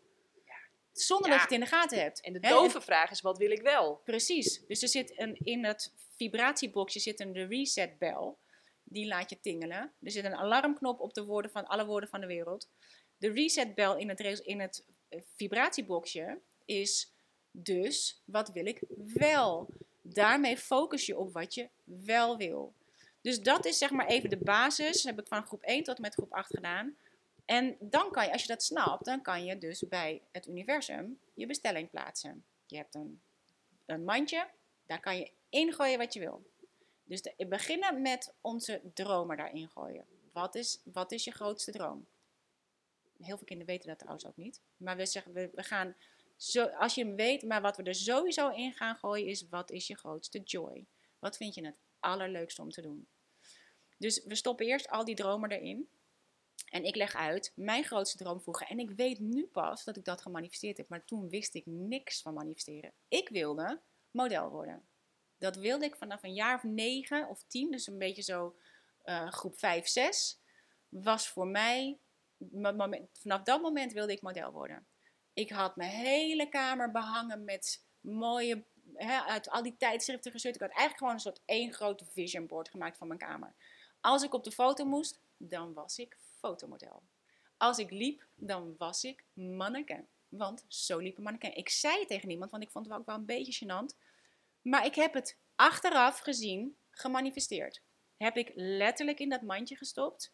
Heb ik ook letterlijk gemanifesteerd. Het heeft niet per definitie ook heel gelukkig gemaakt. Dat wist ik toen nog niet. Ik heb het gemanifesteerd, dat stopte ik in het mandje. Eh, het heeft me heel veel gebracht, maar het heeft me ook heel veel gekost. Dus ik zei, oké, dus dat kan ik manifesteren. Ik dacht waarschijnlijk, als ik model ben, dan word ik gezien. Dan ben ik beroemd. Dan ehm, word ik erkend. Dan heb ik geld. Heeft me niet per definitie gelukkig gemaakt. Zeg, daarom is het zo belangrijk om in je mandje te stoppen wat je het allerleukst vindt om te doen. Want daarin ligt ook je succes, daar ligt ook je geld, daar ligt al die dingen waarvan je denkt, als dan. En dit vinden we zo eng. En dat is ook eng, omdat we toen ik stopte met lesgeven, allereerst toen ik ging lesgeven, dacht ik, oh, je moet dus een hele maand werken. Normaal zit net je make-up erop. Best een interessante, maar het is wel interessant voor jezelf ook om te weten, want ik haalde zoveel voldoening uit het lesgeven, maar had daarmee waarschijnlijk ook een soort eh, kronkel gemaakt. Veel geld verdienen is oppervlakkig. En brengt me, niet, brengt me niet het geluk wat ik denk dat ik heb als ik als model werk. Weinig geld verdienen geeft me heel veel voldoening. Maar ehm, zeg, doe mij ook eens even een theetje. Oh, Hij zit je stiekem in te Ja, ja, ja, ja. Oh shit. Oh nee, is helemaal goed, dankjewel. Nee, wacht even, wacht even. Ik denk gewoon dat het zakje ervoor zit. Want what besteden. you want, ja. Brand even. Ah, Ah, nee, helemaal wordt goed. geregeld. Nee, nee, nee, nee, hoeft niet. Oh. Ik heb ook nog water. Maar in ieder geval had ik mijn boeken heb ik nooit in dat mandje gestopt. Zeg maar wat ik deed toen ik stopte met, met eh, Vorm in je mandje gooien. een, ja, toen ik, maar toen wist ik dit ook nog niet. Hè. Toen was ik nog helemaal niet bekend met hoe dit werkt. Maar mijn verlangen, bij mij komt het naar boven als, maar eigenlijk wil ik liever puntje, puntje, puntje. En ik was aan het Oh, lesgeven, ja. maar ik dacht... Mag ik nou, sorry, ja, ja, ja? ja, Ja? ik praat bijna door je heen, maar ik vind ook eigenlijk wil ik liever puntje, puntje, vind ik zo'n gouden vraag. En als ik echt 100% eerlijk zou zijn over wat ik echt denk Ja. en echt voel, Ja. dan puntje, puntje, puntje. En dan ook iemand vragen van, wil jij gewoon 15 minuten naar me luisteren zonder iets te zeggen? Ja, En dan, ja, oh, dan kom je Ja. bij het goud. dan kom je bij het goud. Maar goed, als ik... En voor mij was het, eigenlijk wil ik liever nu gewoon thuis zijn met de kinderen. Zodat ik, hè, die zaten inmiddels op de middelbare school, eindexamenjaren. Ik dacht, het, man, voor je het weet zijn ze het huis uit en heb ik het voor een groot gedeelte gemist. Ja, ik gaf les op de school waar mijn kinderen ook waren. Ehm, ja, ik was ook meegevraagd naar de middelbare school om na na te denken over die slimme kinderen enzovoort. Dus ik had heel veel van mijn kinderen in mijn leven, maar ik wilde eigenlijk liever thuis zijn met een klasje van drie. Dan kom je automatisch beperkte overtuigingen tegen. Want ik dacht, ja, een slimme meid is op haar toekomst voorbereid. Die kan toch niet afhankelijk zijn van mijn man. Eh, maar met het moederschap kan ik geen geld verdienen. Bla, bla, bla, bla, bla. Maar eigenlijk wil ik liever, dus het is de bereidheid om het dan maar niet te hebben. En dat is voor mij elke keer goud gebleken. Ik denk, dan maar niet. Dan maar afhankelijk van mijn man. Dan maar, dan maar, dan maar. Ik wil liefst nu thuis blijven met de kinderen. En ik ben gaan tekenen en schrijven over dat simpele leven goed geleefd. Goed geleefd. Gewoon in mijn agenda. Als, ehm, ja, gewoon, ik, want dat had ik, want dat was een van de clues als ik ga kijken naar Connecting the Dots die ik voor later pas terugwerkende kracht. Een van de dingen vroeg op mijn kamer, naast het schrijven in mijn agenda of in mijn, in mijn dagboek en het plakboeken maken en mijn kamer helemaal en muziek luisteren en al die cassettebandjes maken. Een van die dingen was, ik was fan van het, dag, van het blad De Club. En de club, daarin stond het dagboek van Pien. En dat was zo, dat vond ik zo inspirerend. Maar echt dat ik dacht, "Oh, ik lag letterlijk onder de brievenbus te wachten tot het kwam elke maand. Ik wist toen nog niet waarom. De wet, je kunt achteraf kun je doen connecting the dots. Vooruit, dan kan ik het zien. Vooruit kun je het voelen. Het is puur die dingen waarvan je denkt, "Ah." En ik vond dat zo inspirerend. Wat ik daar zo inspirerend aan vond, wist ik. Maar dat dagboek van Pien, dat was de klusklapper, eh. En zij ging allerlei dingen maken voor de kamer. Dus ik ging ook allemaal dingen maken voor mijn kamer. Ik dacht, dat is de inspiratie, dat ga ik ook doen. Op de modevakschool, super geïnspireerd door eh mode-illustraties. Oh mijn god man, als ik dat zag, dacht ik echt... "Ah." Weet je, weer zo'n... Oh, maar ik kon nog niet uitademen. Er was nog niet een... Ik zag nog niet waarom. Maar ik dacht alleen maar, oh, weet je, dat je, het, dat je kan jubelen, dat je mm, niet weet wat je met jezelf aan moet. Dat gevoel. Later zag ik een boekje Everyday Matters van Danny Gregory. Getekend. Het zijn dagelijkse dingen. Gewoon, hij, zijn vrouw die was verongelukt eh, in de metro in New York. Ze raakte verlamd. Hij was een hotshot reclamejongen. En hij is gaan tekenen, gewoon zijn dagelijkse dingen gaan tekenen om gewoon zijn sanity te bewaren. En ik vond dat zo inspirerend. Dagelijkse dingen tekenen, gewoon met de hand schrijven. Hoe cool. Ik had nog steeds geen clue. Maar hij maakte nog een boek, The Creative License. Daarin tekende en schreef hij over hoe je het zelf kon doen. Oh mijn god, het is iets wat je kan doen. Tot die tijd was het niet iets wat ik überhaupt. Ik dacht gewoon, het inspireert me maatloos, maar ik, het is niet iets wat ik kan. Ik was niet het meisje wat altijd tekende op school. Weet je. Het was niet iets wat ik in mijn, in mijn bewustzijn had als zijnde iets wat voor mij was. Toen dacht ik, oh. En toen ben ik gaan tekenen en schrijven gewoon in mijn agenda. Gewoon dat simpele leven goed geleefd met die kinderen. Wat ik, eh, wat ik had gedaan die dag. En dit is ook waarom alles wat je doet bij elkaar hoort. Want toen dat we nog in de tijd van Facebook. Facebook vroeg, wat eh, heb je vandaag gedaan? Of wat ben je aan het doen? En ik zette daar mijn agenda op. Ge- geïllustreerd en wel. Ik was nog gelinkt aan de mensen uit de modewereld. En die hadden ehm, gevraagd, die zagen dat en die zeiden: Oh, we gaan een productie doen voor de Glamour over ex-modellen met een nieuwe passie. Wil jij daarin? Maar natuurlijk. Daar werd ik geïnterviewd door Alice Beijers. En zij uh, mailde me twee maanden na dat interview. Ik ben bij Cosmos Uitgevers. Ik ben een recensie aan het schrijven over een boek. En ik moet steeds denken aan jouw tekeningen en je teksten. Vind je het goed als ik je voorstel aan uh, Cosmos? Maar natuurlijk, het gesprek met Cosmos ging over dat simpele leven goed geleefd. Dat heeft geleid tot groot en meeslepend leven. Een ode aan dagelijkse sleur. Zij zeiden precies hetzelfde. Wij vinden de manier waarop jij leeft met die kinderen, dat vinden we zo leuk. Wil je daarover schrijven? Ineens was daar een boek, was daar mijn geld, was daar mijn calling, vocation, purpose, al die dingen waar we maar naar op zoek zijn. Maar die lagen allemaal verscholen in mijn behoefte om met mijn kinderen te zijn. En me niet te laten leiden door, ja, maar daar kan ik geen geld mee verdienen. Ja, maar dan ben ik afhankelijk van mijn partner. Ja, maar, ja, maar, ja, maar. Want. Ja, zo herkenbaar allemaal. En ik had dat niet in mijn mandje gestopt. Omdat, sterker nog, als ik in mijn mandje had gestopt wat, wat me in ieder geval succes had opgeleverd, of geld had opgeleverd, of wat we dan ook maar leren wat het ons op moet leveren, dan had dit er nooit geweest. Het moest eerst die ruimte hebben om echt te doen. Want liefde is een super hoge frequentie. Dus die liefde voor die kinderen, dat, dat heeft me altijd vanaf dag één dat ik zwanger was van Keesje, heeft me continu van alles gebracht.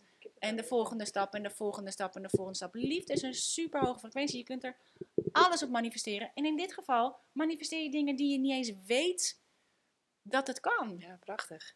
Het is zo cool. Dus dat ben ik met de kinderen ook gaan doen. En ik heb ze uitgelegd. Van enerzijds heb ik hier dus gemanifesteerd, heb ik letterlijk in mijn mandje gestopt. Anderzijds, wat ik eruit heb gehaald, wat me ook echt voldoening heeft gegeven, is gekomen op joy. En op vrijheid. De vrijheid om te kiezen, om niet mee te doen aan hoe het hoort. Of hoe, wat je zou moeten zijn of moeten doen. Want in, ik, zo herkenbaar, hè? Want ik ben dus ook op Facebook letterlijk toen recepten gaan delen. Nu, nu, ja, dat wordt weer een beetje populair, maar toen back in the days, ja. Ja, ja, op, op, op Facebook gaan zetten wat je eet en hoe je dat gemaakt had. Was, en toen werd dus, uh, daar kwam dat boek uit. Maar uh, waar ik heel nieuwsgierig naar ben, is. Ja, ik, heb, ja ik, ik zit ook even bij mezelf. Wat heeft het bij mij. Wat, wat, wat gaf mij de durf of het lef of de moed ik bedoel, hè, ik heb twee masters uh, uh, afgerond aan de Erasmus Universiteit. Ik heb bij Shell gewerkt, bij het ministerie van Economische Zaken. Ik kon gouden handboeitjes, ja. hè. Ja, maar echt, hè, die zijn heel link. En ja, en toch voelde ik dat het hele universum, helemaal bij Shell, met mij aan het communiceren was. Uh, mijn laptop. Nou, hij was er niet na één week, niet na twee weken, niet na vier weken. Uiteindelijk ben ik met mijn eigen laptop daar gaan werken dat duurde zo lang en ik zat al te gniffelen. Ja, universum, het is duidelijk hoor. het is duidelijk dat ik hier niet aan het werk mag, maar ik heb nu getekend en dan ga je, hè? Ja. Nou, uiteindelijk was die laptop er niet. Er was die laptop er. En toen moest nog de, mijn parkeerplek komen. Nou, dat duurde nog duizend keer langer. Toen had ik eindelijk een parkeerplek. Was het bij de verkeerde building. Dus toen moest ik zo wat... Shuttle. Ja, met de shuttle alsnog naar de goede building. En toen, nou, toen heb ik helemaal dubbel gelegen van het lachen. Zo maar hoe cool dat je erom moet lachen. Hè? Want een ander raakt er gefrustreerd van. Of je zit nog steeds, als je gaat kijken naar jou als, als uh, generator met satisfaction als signature feeling en uh, frustratie als not-self thema. Jij bent gewoon steeds in die joy blijven zitten. Dat je, dat je dacht nou, dat je er zelf voor moet lachen. Ja, en wat ik toen heb gedaan is, uh, ik had een baan en als ik even gas gaf, dan kon ik waar ik 40 voor had, dat kon ik eigenlijk wel in 10 uren. Ja. en dan ja, waren ze super tevreden. Ja. Dus toen heb ik dat in tien uren gedaan en heb ik stiekem, om het maar even, nou, het is dus nu niet meer stiekem, maar heb ik mijn eerste boek geschreven daar. Ja. En, en ik heb vanaf dag één gezegd van ja, ik uh, roeien, dat is echt wat op één staat. Uh, dus jullie staan niet op plek één. Roeien is wat op één staat. Dus ik kom wanneer ik wil, ik ga wanneer ik wil, als ik überhaupt al kom. Ja. Nou ja, en, maar ik vraag me soms, wat heeft me het lef en het moed en de durf en bijna de arrogantie gegeven om dat allemaal te zeggen en af te dwingen en ook te krijgen? Ja, maar dan juist, dat, dat maakt je gewoon natuurlijk ook woest aantrekkelijk voor iemand. Iemand die zo in alignment is en zo duidelijk weet wat hij wil. En, je, en het is eigenlijk precies hetzelfde als... Um, dan maar niet. Als dit niet is wat je, als je dit niet aanneemt, dan komt het niet. Dat, klopt. dat maakt klopt. je totaal onafhankelijk van het resultaat. En ik denk, daar kan je als een malle op manifesteren. Gewoon de, de, ehm, jezelf niet te veel hechten aan het resultaat. Dat is wat het zo... Je wordt letterlijk woest aantrekkelijk voor de werkgevers, voor het universum. En jij vertrouwt op het universum. Ja, en, en, en dat, daar wil ik ook op aanhaken, want je moet even wat succeservaringjes hebben en even voelen hoe dat werkt en hoe het spelletje gespeeld wordt. Ja, En op een gegeven moment, ja, dan weet je gewoon hoe je appeltaarten moet bakken. Hè? De, en, dan, Ja. en dan worden ze gewoon, de, de eerste is lekker, de tweede is lekker, maar nummer 20 is ook gewoon Ja, lekker. ja. Maar ik ben, kun jij je bij jezelf de vinger erop leggen van hoe je, hoe je die switch hebt? Of was dat echt letterlijk de vraag, wat wil ik nou echt? Was dat de game changer? het was ik- luisteren naar dat, naar dat verlangen, maar eigenlijk wil ik liever dat was thuis blijven met de kinderen. En bij mij is het altijd, gaat bij mij altijd terug naar mijn gezin. Het is altijd, dan ga ik er weer even uit en ga ik weer van alles creëren, doen, maken. En dan voel ik weer echt zo'n intrinsieke behoefte om terug te gaan naar dat simpele leven, goed Ja. geleefd. Het is altijd dat. Is altijd terug naar dat. En dat, is, eh, en dat dan durven volgen. En, je, want, en dat vind ik ook Maar het ik ben nou zo nieuwsgierig naar die durf. En dat dan durven Eh, volgen. durven volgen Want als daar in- gaat ja. het zo mis bij Ja, de meesten. Want als mensen eerlijk zijn, dan weten ze dit wel. Dan weten ze het wel. Maar die durf, Ja. ah, dat is de bottleneck. Dat is ook de bottleneck. En, en dat is misschien wat je net zei. Je hebt af en toe een paar succeservaringen nodig. Dat als je iets hebt gedurfd, dat je ook ziet dat het werkt. Dat je denkt, vorige keer vond ik dat ook spannend, maar dat heeft heel goed uitgepakt. Dat je jezelf eigenlijk even... En het, en het is ook oprecht lekker om te denken, dan maar niet. Weet je, dan maar niet. En ik had het ook met stoppen met social media. Was eigenlijk precies hetzelfde verlangen. Dankjewel voor het bruggetje. Ja, eigenlijk wil ik liever offline. En dat kwam achter in dit geval. Eigenlijk wil ik liever offline.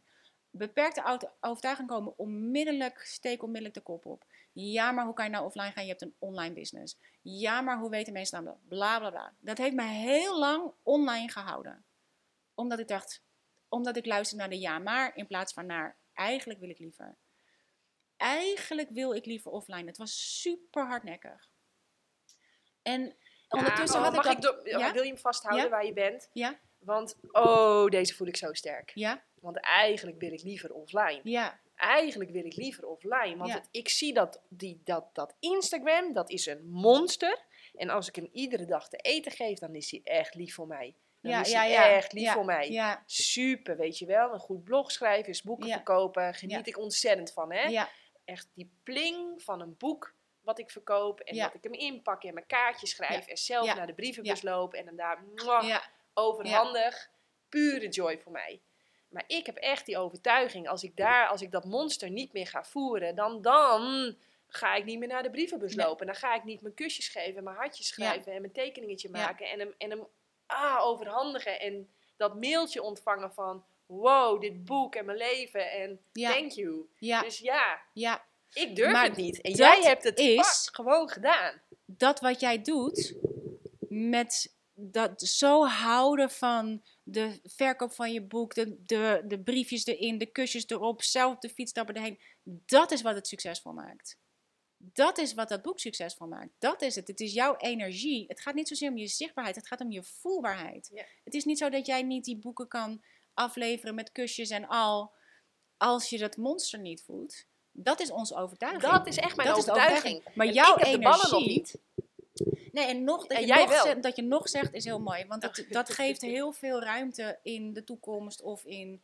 eh, en het is ook niet per se voor iedereen. Hè. Er zijn ook mensen die er wel van houden. Maar voor mij was het een, een heel hardnekkig, aanhoudend gevoel van... Eigenlijk wil ik liever offline. Ja. Nou ja, want je zit met die telefoon in je klauwen. Ik, ik, ik, eh, ik beperk dat echt heel erg. Ja.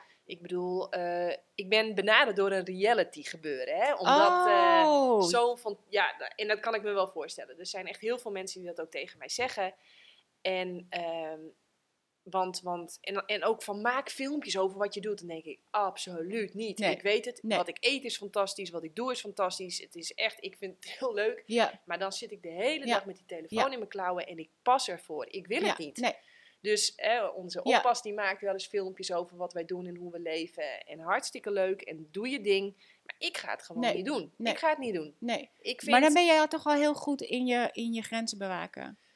Ja, absoluut. En ik heb ook hele strenge regels voor mezelf. Dus eh, ik mag maximaal 10% van mijn tijd consumeren. Ja. De rest van de tijd ben ik aan het publiceren of produceren. Dus, eh, want dat, hè, Ja, over wat geeft ja, je joy? nou, laat mij iets uitzoeken, iets, iets moeilijks lezen, daar een simpel Ja. tekstje van maken en dat de wereld in gooien. Nou, je kunt me niet gelukkiger Ja. maken.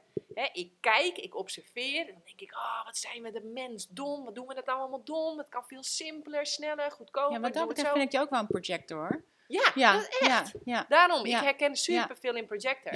En, en wat ik ook mooi vind, volgens mij hoort dat ook bij de projector. Als ik ga praten zonder uitnodiging, nou dan, dan, dan zitten mensen echt donder even, een- ja. even een eind op jij, Ja. bedweter. Ja, en eh, mensen willen ook het liefst aan mij vragen van, eh, wat gaat er nou mis in jouw leven, Janneke? Ja, ja, Dat willen ze zo graag weten. Het kan toch niet zo Kan zijn dat toch het niet, allemaal dus- succesvol is. Nee, dus, dus daarom herken ik mij ook in een projector. Terwijl als eh, mensen mij benaderen en door mij gecoacht willen worden, dan vragen ze mij, ze Ja. betalen mij en ze gaan letterlijk ontvangen en dan kan ik Ja. de juf zijn en dan Ja. ontstaat de magie. Dus dan denk ik ook, projector. Maar ja, Maar ik denk dat het misschien ook, en we kunnen nog een keer kijken of we alles wel goed ingevuld hebben. Maar ik denk dat het ook hoort bij in alignment zijn. Oké, Ik denk dat dit is, als je, wat er voor ons allemaal gebeurt, op een moment dat je in alignment bent met wat jij wil doen en waar je hiervoor bent en wat je, waar je hart naar uitgaat.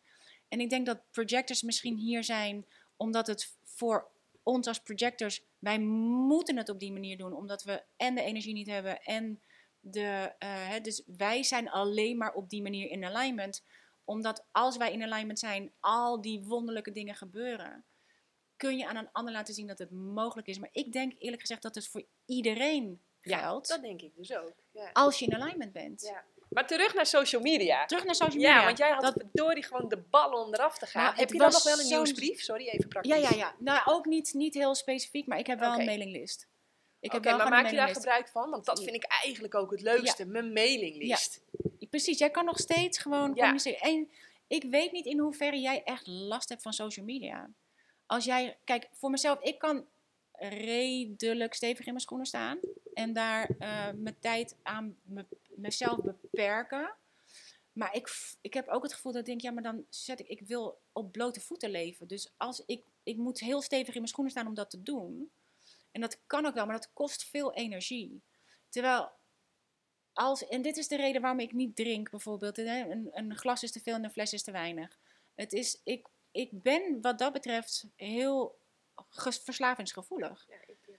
Dus ik moet, dat ik denk, ja, ik heb heel lang in een soort van extreme gezeten. En dan niet extreem als in, maar toch elke dag trokken we een fles wijn open. En het was niet dat we elke dag lam waren. Nee, maar ik legde wel elke dag toch eventjes dat roesje eroverheen.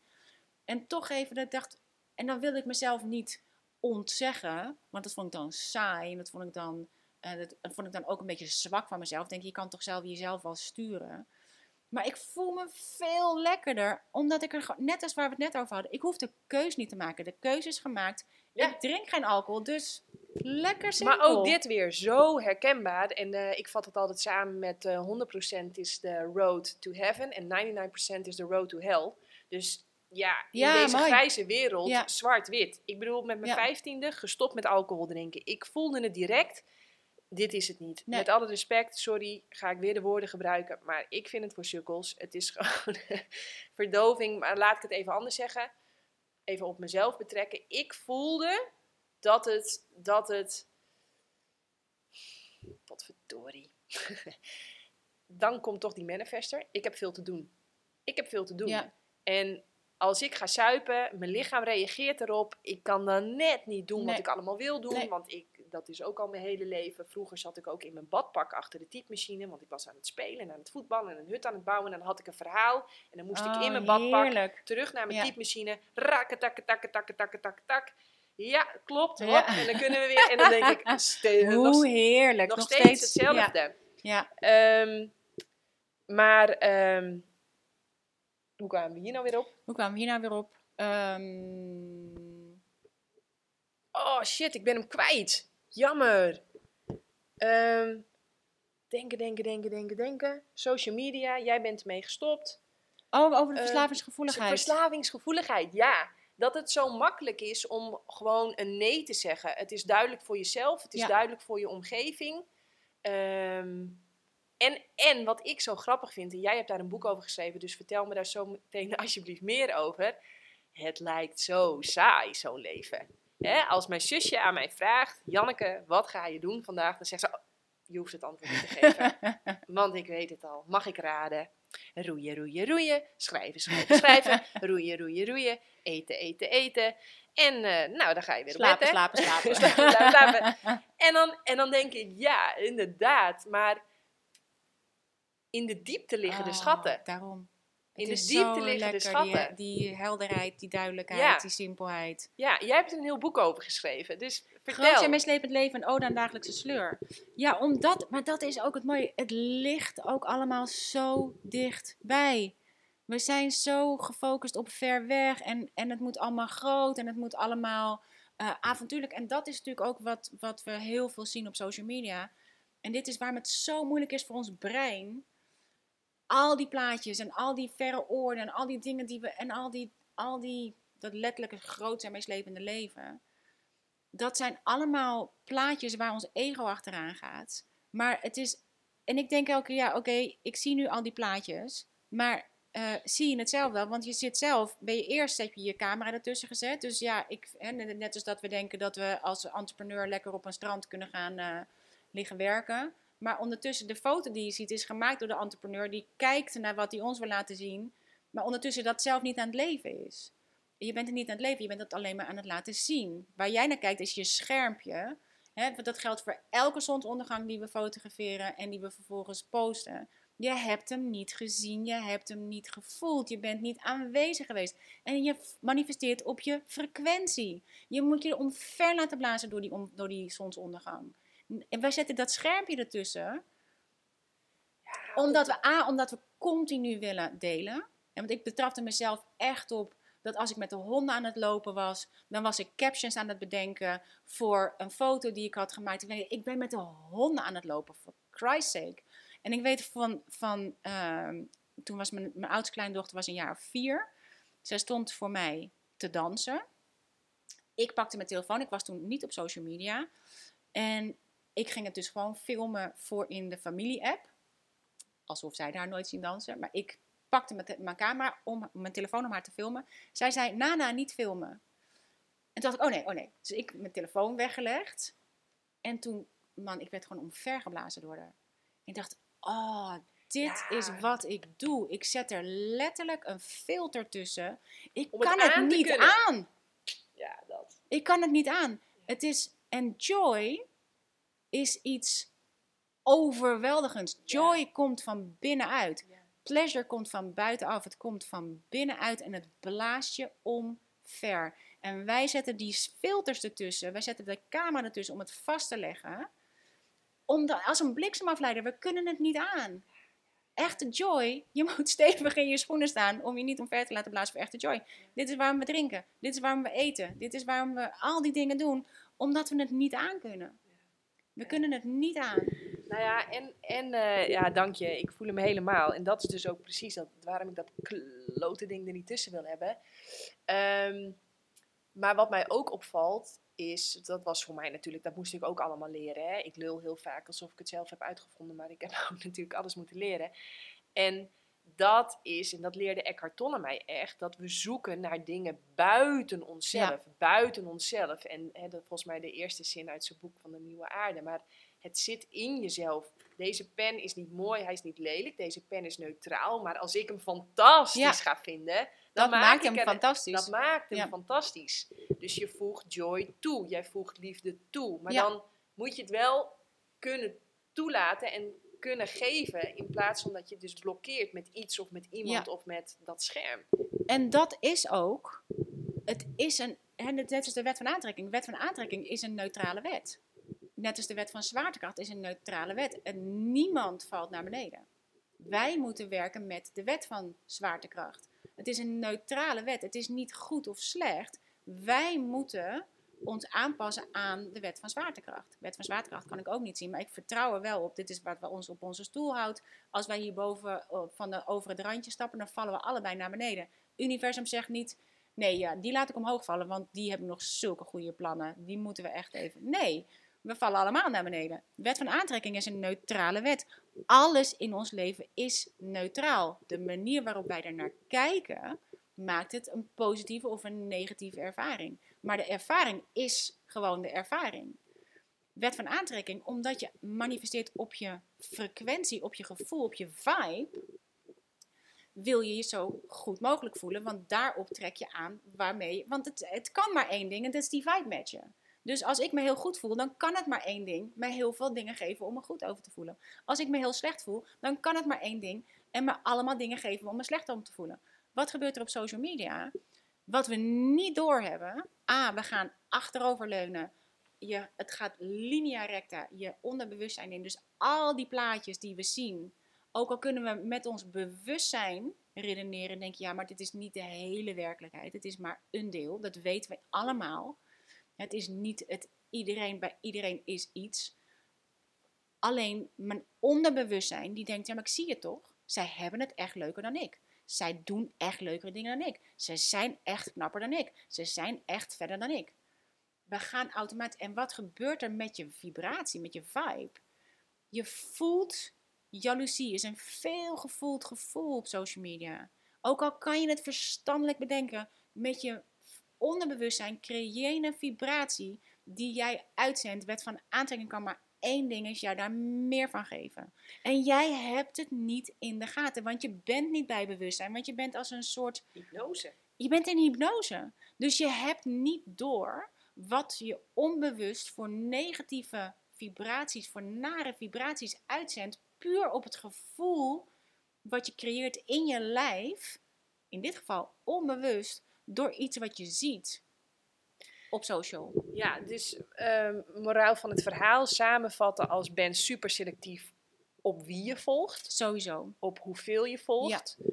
En, en wees, check regelmatig met jezelf in van welke vibraties zend ik nu uit? Wat voel ik? En wat dacht ik dus? Want het is, we hebben 60 tot 80.000 gedachten per dag. Waarvan, nou, hoeveel is het? 80, 90 procent zijn herhalende gedachten die we iedere dag opnieuw denken zonder dat we het in de gaten hebben. Ga maar even lekker onderdekken wat je aan het denken bent. Maar als je bij jezelf, als je jezelf afvraagt, oké, maar wat voel ik?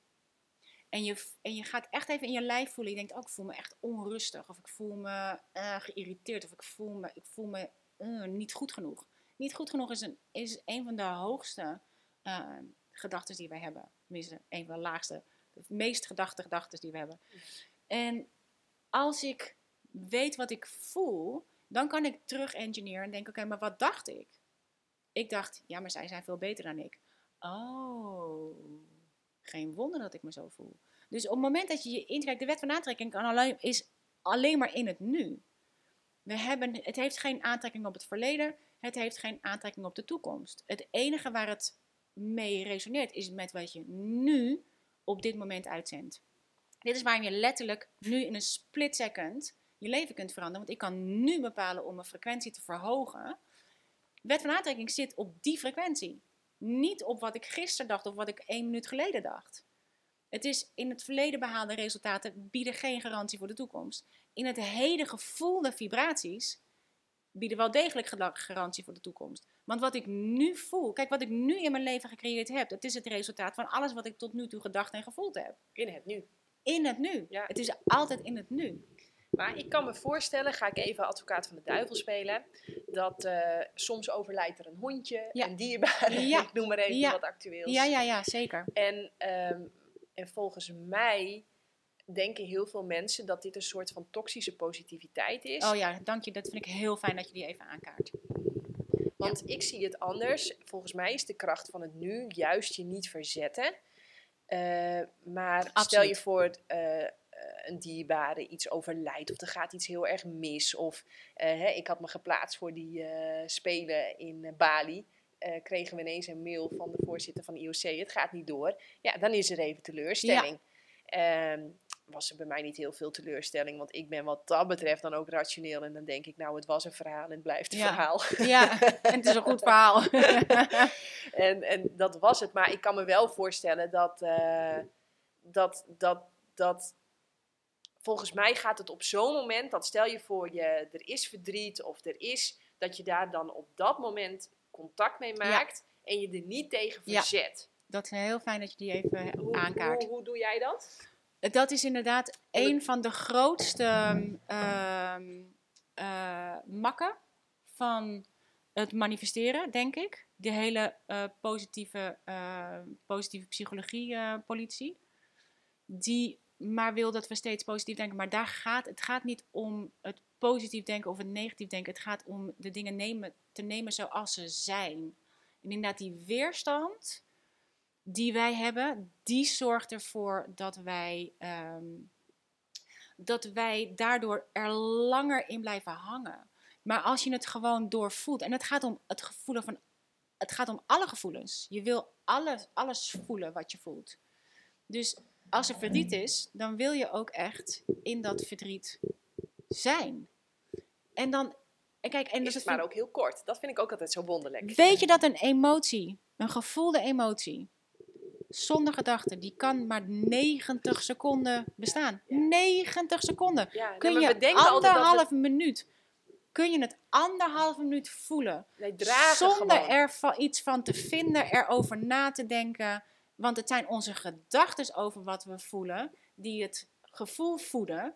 Het gevoel, dat fuelt weer de gedachten. Want de- dit is waar we in die loop terechtkomen. Maar het pure gevoel aan zich, 90 seconden. Ja, en ik zeg daar altijd bij, dat kun je. Dat, Dat kun kan je. je. Dat kun je dragen, daar ga je niet in verzuipen. Als zou je 90 seconden even je adem in moeten houden, het wordt krap, maar je redt Ja, het. Je ja. redt het. Je kunt het. Ja, Je kunt het. Dus maak er even contact mee. Ga er helemaal in zitten. Laat het gewoon Ja. gebeuren. En, dan, en dat vind ik hetzelfde leuk. Dankjewel voor het bruggetje met opvoeden.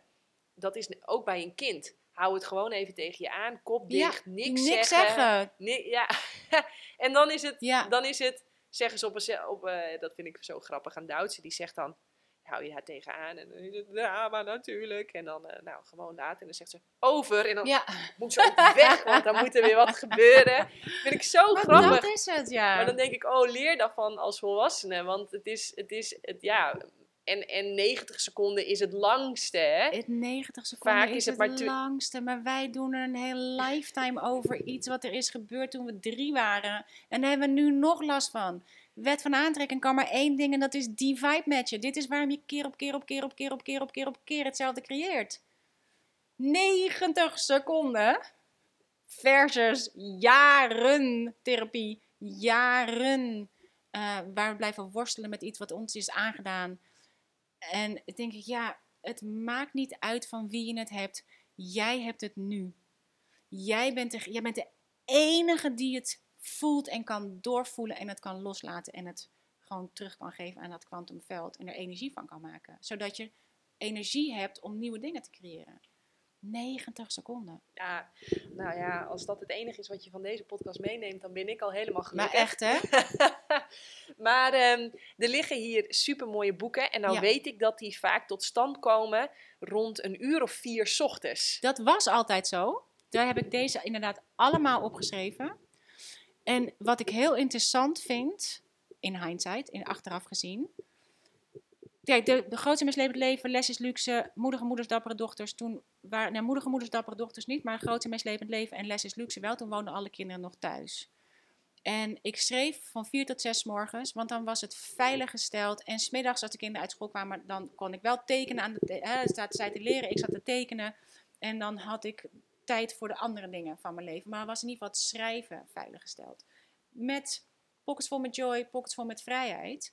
Was iedereen al lang uit huis. Maar ik schreef maar niet en het ging maar niet. En ik dacht, wat weet ik? Ik dacht, oké, die heb ik geschreven tussen vier en zes morgens. En dat vind ik een hele lekkere tijd. Want de hele wereld is stil.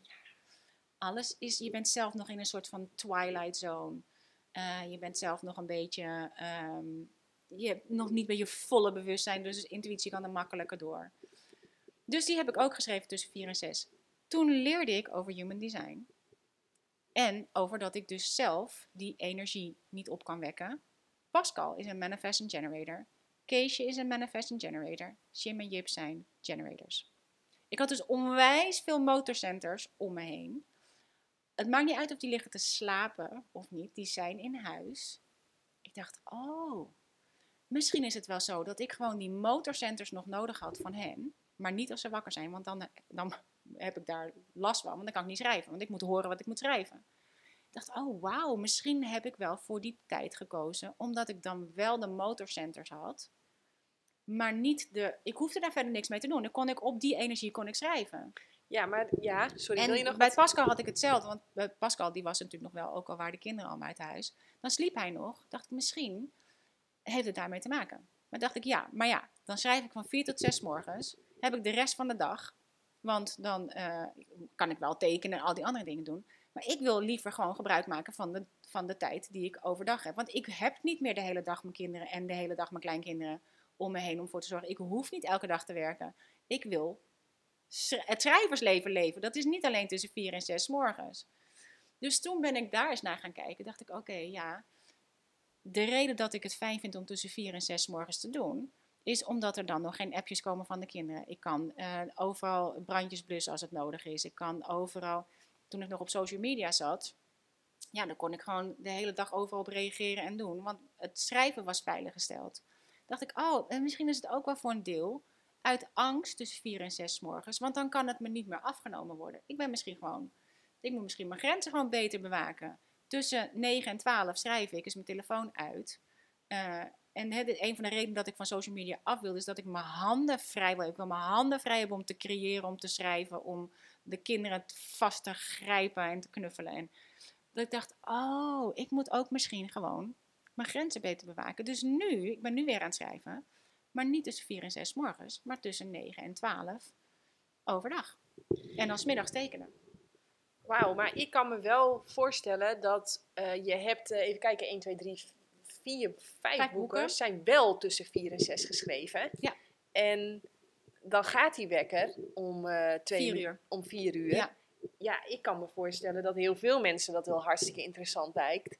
Ehm, maar dan toch gaan snoezen. Ja. Dus hoe de F heb je dat gedaan? Dat, Ten dat- eerste deed ik het met een wake-up light, dus niet met een alarm. Dus ik ging zo langzaam, om half vier gaat de wake-up light, wordt steeds langzamer licht, langzamer licht, langzamer licht. En op een gegeven moment krijg je vogelgeluidjes en daar word ik wakker van. En ik vond het heerlijk om eruit te gaan. Ah, oké. Dus jij hebt gewoon superveel joy gekoppeld aan, Ja. aan een soort van pijnlijke ervaring. Namelijk dat warme, zachte bed uit. En vroeg mijn bed in. En wat wat is vroeg in? Negen uur erin, dat doe ik nog steeds wel het liefst. Ja, ik ook. Oké, ja. dus Dus ik- het is ook niet heel pijnlijk. Dat heb ik ook. Nee, ik vond het heel. Ja, het is Ja. even, zeker als het koud is, weet je wel, Ja. dat, je, dat je denkt, oeh, het is echt een beetje koud. Maar ja, dan trek je je warme dingen aan en dan had ik eh, mijn, eh, zo'n warmtedekentje in mijn stoel. En dan Oké, ja, ja, ja. gewoon lekker, weet je, gewoon een elektrisch dekentje. Ging lekker warm. Dan denk ik, oh ja, dan ga ik lekker. Want eigenlijk is het heel lekker om in een soort van half, half waken, half slaapstand te zijn met schrijven.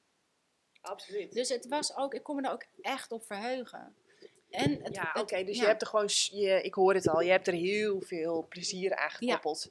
En want Ja, en de voldoening ervan. ja, is ook fantastisch. Om zes uur, Ja, dan eh, ja. Dan heb je de winst al binnen. is de buiten al binnen. De buiten is binnen. ik ja, zeg en daar letterlijk. heb je de hele dag profijt van. Ja. Het is veiliggesteld. Er kan van alles gebeuren. Want er, zijn, er is natuurlijk ook vaak van alles. Met al die kinderen en al die kleinkinderen. En, en al die dingen die het... Er is ook...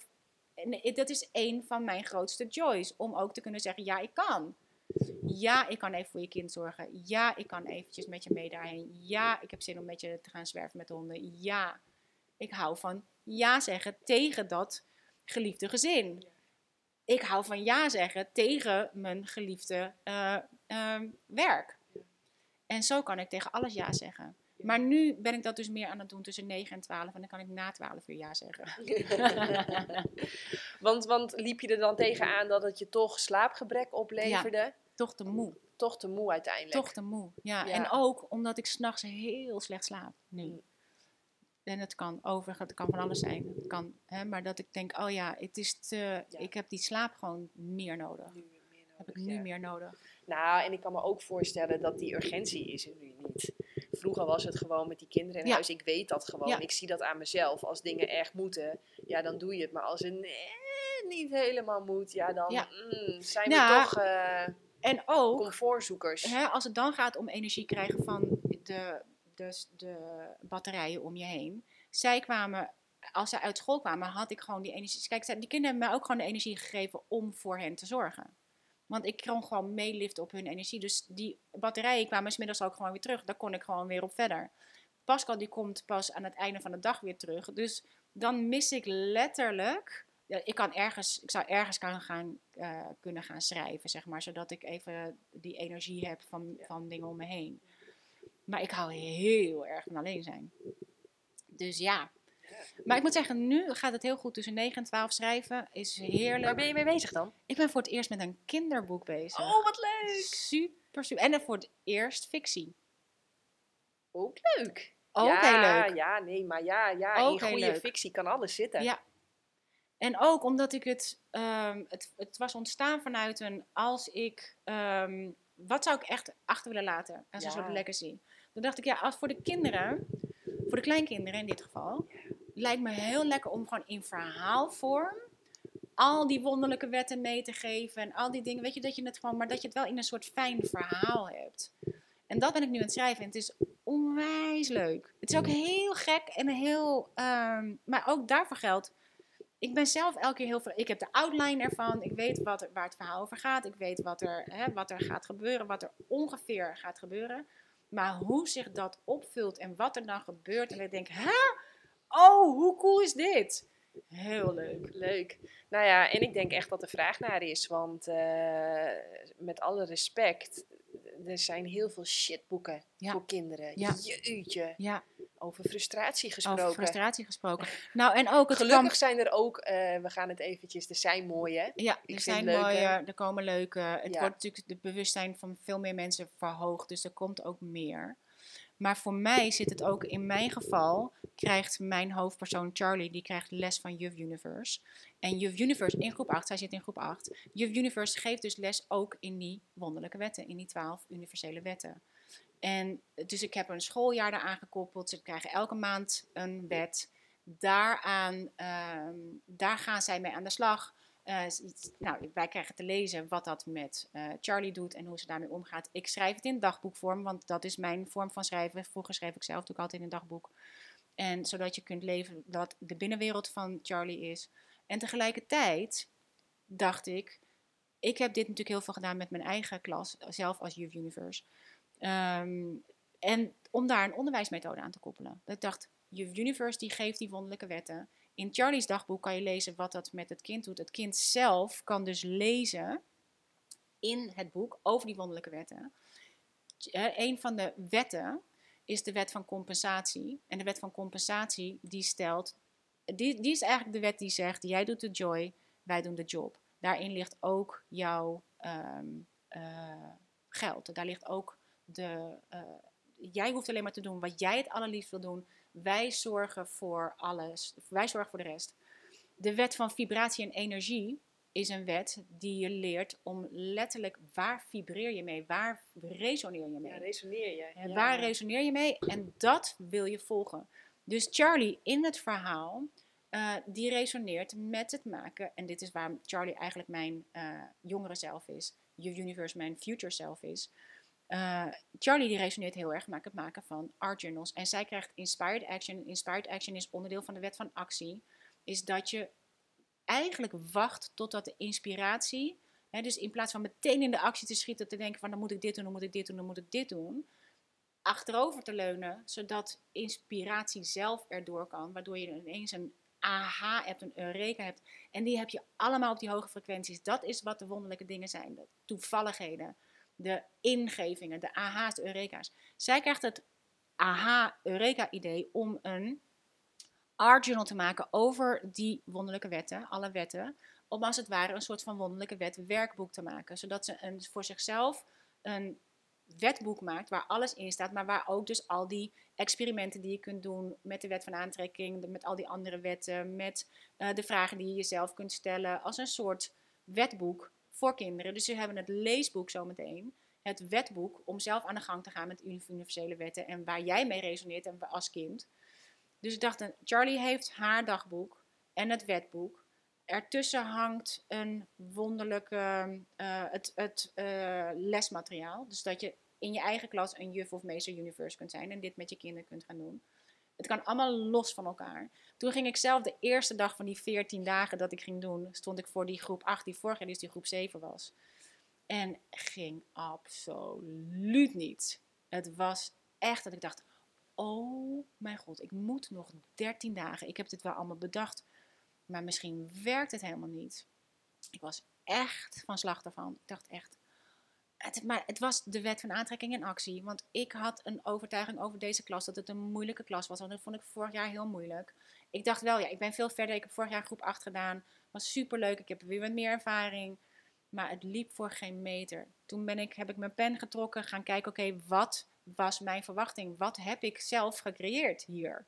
Kon ik precies eruit halen. Volgende dag de andere groep 8. Ik wist precies wat ik wel wilde doen, wat ik niet wilde doen. Ik wist dat ik de grenzen te ver had opgerekt. Want ik wilde er een leuke dag van maken voor die kinderen. En bla bla. Dat ik nee, hup, grenzen een stukje terug. Grenzeloosheid is geen vrijheid. Nee, absoluut niet. Dus tweede dag groep 8 was super, super cool.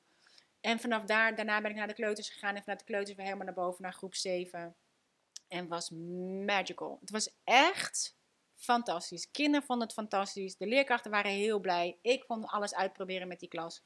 Maar toen dacht ik wel, oeh, misschien moet er ook een dagboek van je Universe komen. Want op het moment dat wij dit soort dingen willen implementeren in de lessen, of het nou gaat over hoe je brein werkt, over de universele wetten, over als wij als individuele leerkracht willen, ehm, al die dingen die wij leren, ik heb, wij hebben zoveel leerkrachten die zeggen, maar hoe doe ik dit met mijn klas? Ik dacht, oh, er moet misschien ook wel een, wet, een dagboek van je Universe bij. De dingen waar je tegenaan gaat lopen op het moment dat je denkt, oh superleuk, ga ik doen met mijn groep. En dan vervolgens doet je groep iets totaal anders dan dat jij denkt. Dus, dat je, dus ik dacht, misschien moet die erbij. En haar inspired action in haar hele ding wordt het maken van een methode voor andere juffen en meesters. Oh, dus het wordt een soort. Het is een heel Ja, ja, groot ja. concept aan het worden in mijn hoofd. Maar ik ben begonnen met het schrijven met het dagboek van Charlie. En eh, ja, ik, ik heb onwijs naar mijn zin. Leuk. Nou, dat is het belangrijkste. Superleuk. Ja. En wat ik ook terug hoor, die vind ik ook leuk. Dat geluk is je verwachtingen minder realiteit. En Hmm. ik heb heel lang mijn vader een beetje een lapswans gevonden. En toen dacht ik, ja, je bent gewoon laf, gast. Want je verwacht gewoon de hele tijd niks. Ja, geen wonder dat jouw leven één grote pretpark is. Want jij verwacht nooit wat. Ja. Maar nu word ik wat ouder en nu zie ik wel dat dat wel heel veel verschil geeft. Ik verwacht eigenlijk ook nooit wat. Iedere wedstrijd die ik start, ja, ik eh, ga mezelf een dienst bewijzen. Ik hou me aan mijn eigen regels, maar ik verwacht niks. Nee. Dus ja, iedere keer als het dan weer super goed gaat, ja, wij zijn, hebben natuurlijk feest. Want ja, we hadden weer niks Ja. verwacht. Ja, ja, ja. Maar ik, ik vond hem vroeger laf. Maar nu denk ik eigenlijk, misschien is hij wel heel slim. Hij is wel Want de slim. hele tijd die dingen verwachten Ja. en maar dat claimen en Ja. dat eisen en dat willen en dat Ja. vastpakken en dat grijpen. Man, als ik het zeg dan... Ja, je voelt al helemaal de neediness ervan. De neediness, dat claimen ja. En dat, dus, dus ja, misschien vind ik hem eigenlijk toch wel... eh, Het is eigenlijk wel een hele fijne, want het helpt je om, eh, om dus detached te raken van, eh, de, van het resultaat.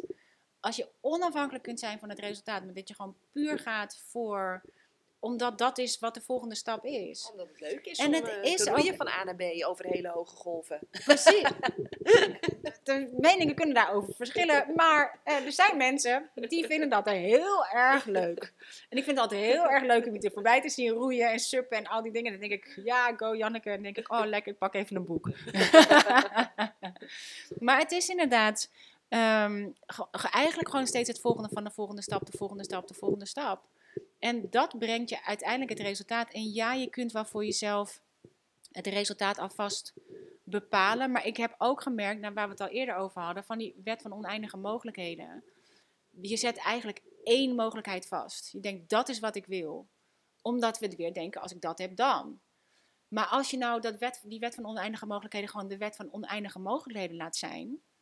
En jij gaat puur voor de, de, de winst als het gaat om me zo goed mogelijk voelen en te doen wat de volgende stap me aangeeft. En je laat je verrassen door die oneindige mogelijkheden. Dan is er ook letterlijk. Dan kan het uit zulke gekke hoeken komen. Ja. En als je wel, hè, want ik snap ook dat mensen graag met een doel werken, omdat je denkt, ik wil ook doelgericht bezig zijn. Het kan richting geven. Dat kan richting geven, Ja, maar dat je ook denkt, oké, of dit, of iets beters. Oh ja, ja, waardoor ja. je, hè, of iets beters, waardoor je denkt, oké, dit is het beste wat ik kan bedenken. Of iets beters.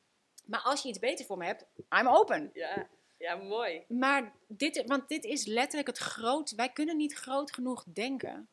Voor wat er allemaal mogelijk voor wat is. er allemaal mogelijk is. Want wij kunnen, net als al die dingen die ik gecreëerd heb, die ik nooit voor mogelijk had gehouden als ik het mocht bedenken, dan had ik dat niet kunnen creëren. Dus dit of iets beters. En de volgende stap volgen. Steeds weer de volgende stap volgen. En daar ligt ook, want op het moment dat ik uiteindelijk wel de stekker uit social media trok, waarvan ik dus dacht, oké, dan maar niet. Dan maar niet succesvol. Dan maar geen succesvolle business. Dan maar geen bestseller schrijven. Dan maar niet. Toen, eh, zeg maar, letterlijk een soort overgave. Dat je denkt, oké, dan maar niet. Terwijl je denkt, ja, dan creëer je ook wat je niet wil. Maar het was gewoon letterlijk het loslaten van de neediness om iets te hebben ten koste van wat je zelf het liefste wil. Maar ik dacht, nu word ik zo onzichtbaar als het maar kan zijn. Werd ik zichtbaarder dan ooit, want wat gebeurde? Ik werd ineens overal door uitgenodigd, door de bladen, door de media, door allemaal dingen. En wat, waar wilden zij over praten? Stoppen met social media. Dat je denkt, nou, die zag ik ook echt niet aankomen. En het bleek ook maar het topje van de ijsberg te zijn, want niet lang daarna dacht ik, "Oh, maar eigenlijk wil ik dat businessmodel ook niet meer. Ik had een membership model, ik vond het een, vond het een tijdrovend model. Aan de achterkant moest er constant alles gecheckt en gedaan. En toen dacht ik, ja, ik moet nu wel. En ik was aan het lesgeven over de, over de wet van aantrekking. Ik was, aan het, en ik was aan het lezen en aan het leren en aan het lesgeven. En ik dacht alleen maar, maar eigenlijk wil ik liever dat ook niet meer. En die vond ik heel spannend, omdat ik dacht, dan heb ik geen geld. Kijk, stop met social media is één ding, want ik kon niet helemaal terug eh engineeren van wat ik dan zou missen aan inkomsten. Maar de stekker uit mijn businessmodel trekken, wist ik precies wat er niet binnen ging komen elke maand. Dus, maar dat, dat is weer dat stukje waarom je er moed voor nodig hebt. Want ik dacht, ja, maar ik wil echt vertrouwen op dat verlangen. Het verlangen komt me iets vertellen. Ik moet vertrouwen op die wet van aantrekking. Dus eigenlijk wil ik liever de stekker uit mijn business trekken. Oké, dan gaan we dat doen. En, omdat ik schrijf, ik haal letterlijk alles met, het pen, met mijn pen uit het universum. Dat ik dacht, oké, ik heb ge- gewoon, het enige wat ik opschreef is, wat is de volgende stap? Want ik dacht, ik zie het even niet meer. Ik, kan, ik ga dat verlangen volgen, maar wat, nou wat? Wat is de volgende stap? En door letterlijk een soort stream of consciousness te schrijven, ik heb ook zelf bijna het, het gevoel om hem in mijn andere hand te nemen. Maar je pen op papier zetten en vertrouwen wat er komt. Ik krijg gewoon letterlijk, haal alles van je website, pak je camper, rij naar Parijs, ga het schrijversleven leven, ga de wet van aantrekking leven voordat je het door gaat geven. Het enige wat telt is dat je je goed voelt. En ik kon in één keer dat verlangen, jongen, dat ik echt dacht, "Oh, dat wil ik. Dus ik ging eerst even op mijn telefoon kijken, is er een camping in Parijs? Oui. Is er plek op de camping in Parijs? Oui. Pascal zat naast me, die journalt ook in de ochtend. Dus ik zei tegen Pas, ik zeg, ik krijg een heel interessant antwoord van mijn pen. Wat zou je ervan vinden als ik even de Hemingway ga doen in Parijs? En gewoon even schrijven en tekenen in cafés. Hij zei, nou, ik zou het doen. Dus ik ben naar Parijs gereden met mijn camper. En, maar eh, angst rijdt met je mee, hè, is riding shotgun. Dit zit gewoon naast je in je oor te tetteren. Over waarom dat allemaal echt niet kan. En wat je nou toch in hemelsnaam gaat doen. En waar heb je het over met je Hemingway doen? Hemingway heeft suicide gepleegd. Jij hebt social suicide gepleegd. Dat is, hij moest duiven schieten in het park om van te eten. Jij bent vegan. Weet je, dat je denkt, het is, maar je moet letterlijk die angst steeds even geruststellen. Het is maar voor even. We hebben een camper vol eten. En we, kunnen echt wel een, in een café en, eh, een kop thee drinken. En eh, even schrijven en tekenen. Ehm, we, we hongeren echt niet. We hoeven echt geen duiven te schieten in het park. Dus ik in Parijs ehm, eerst een saluut gebracht naar het, naar het huis van mijn vader. De zolderkamer van mijn vader. Hij is op zijn zeventiende naar Parijs gelift. Om daar een jaar als straattekenaar te leven. Dat inspireert me tot op de dag van vandaag. Hij heeft zelf ook onlangs weer een appartement gekocht in Parijs. Hij is nu, hij is nu bijna 80. En dat inspireert me nog steeds. Dus ik ga altijd als ik in Parijs ben, eerst mijn vader even een saluut brengen. En om de hoek bij mijn vader is een, uh, Shakespeare Company. Dat is zo'n beetje mijn favoriete boekwinkel in Parijs. Of misschien wel in de wereld.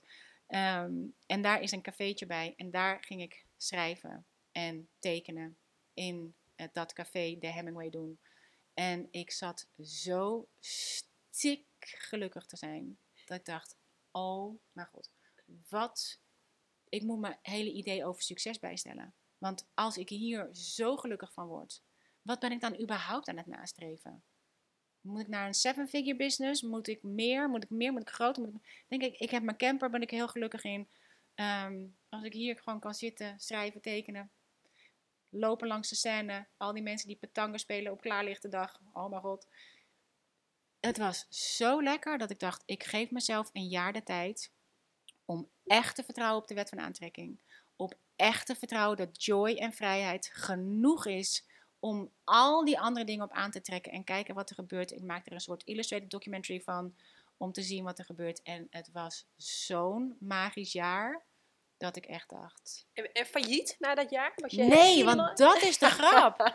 dat is de grap met die wet van compensatie. Jij doet de joy, wij doen de job. En het komt op onverwachte dingen. Je krijgt, tenminste in mijn geval, um, belastingteruggaves.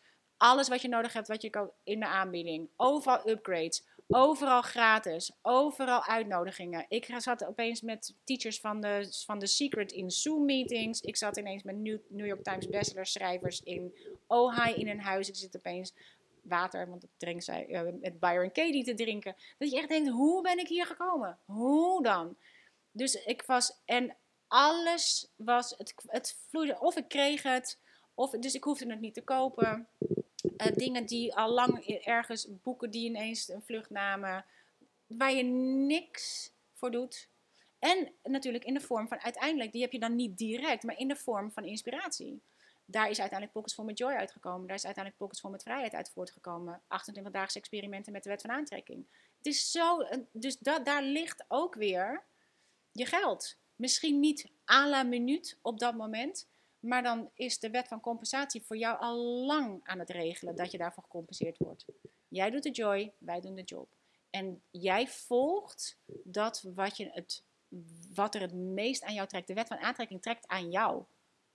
Het trekt aan je. Je vibreert ergens mee. Je, je resoneert ergens mee. Daar, dat volg je, dat volg je, dat volg je, dat volg je, dat volg je. Je weet niet waar het heen gaat. Maar is hetzelfde met je GPS. Je vertrouwt erop dat je er aankomt. Maar eigenlijk weet je de hele weg niet zeker dat het zo is. Je weet pas op het allerlaatste moment, op het moment dat je voor de deur stopt. Dat je denkt, oh inderdaad, ik ben aangekomen waar ik was. Al die tijd heb ik niet zitten stressen over of ik daar kom. Ik vertrouw blindelings dat ik er ga komen. Want ik heb het toch, ik heb het toch ingezet. Daar ga ik doorheen. Ik moet wel in de actie komen.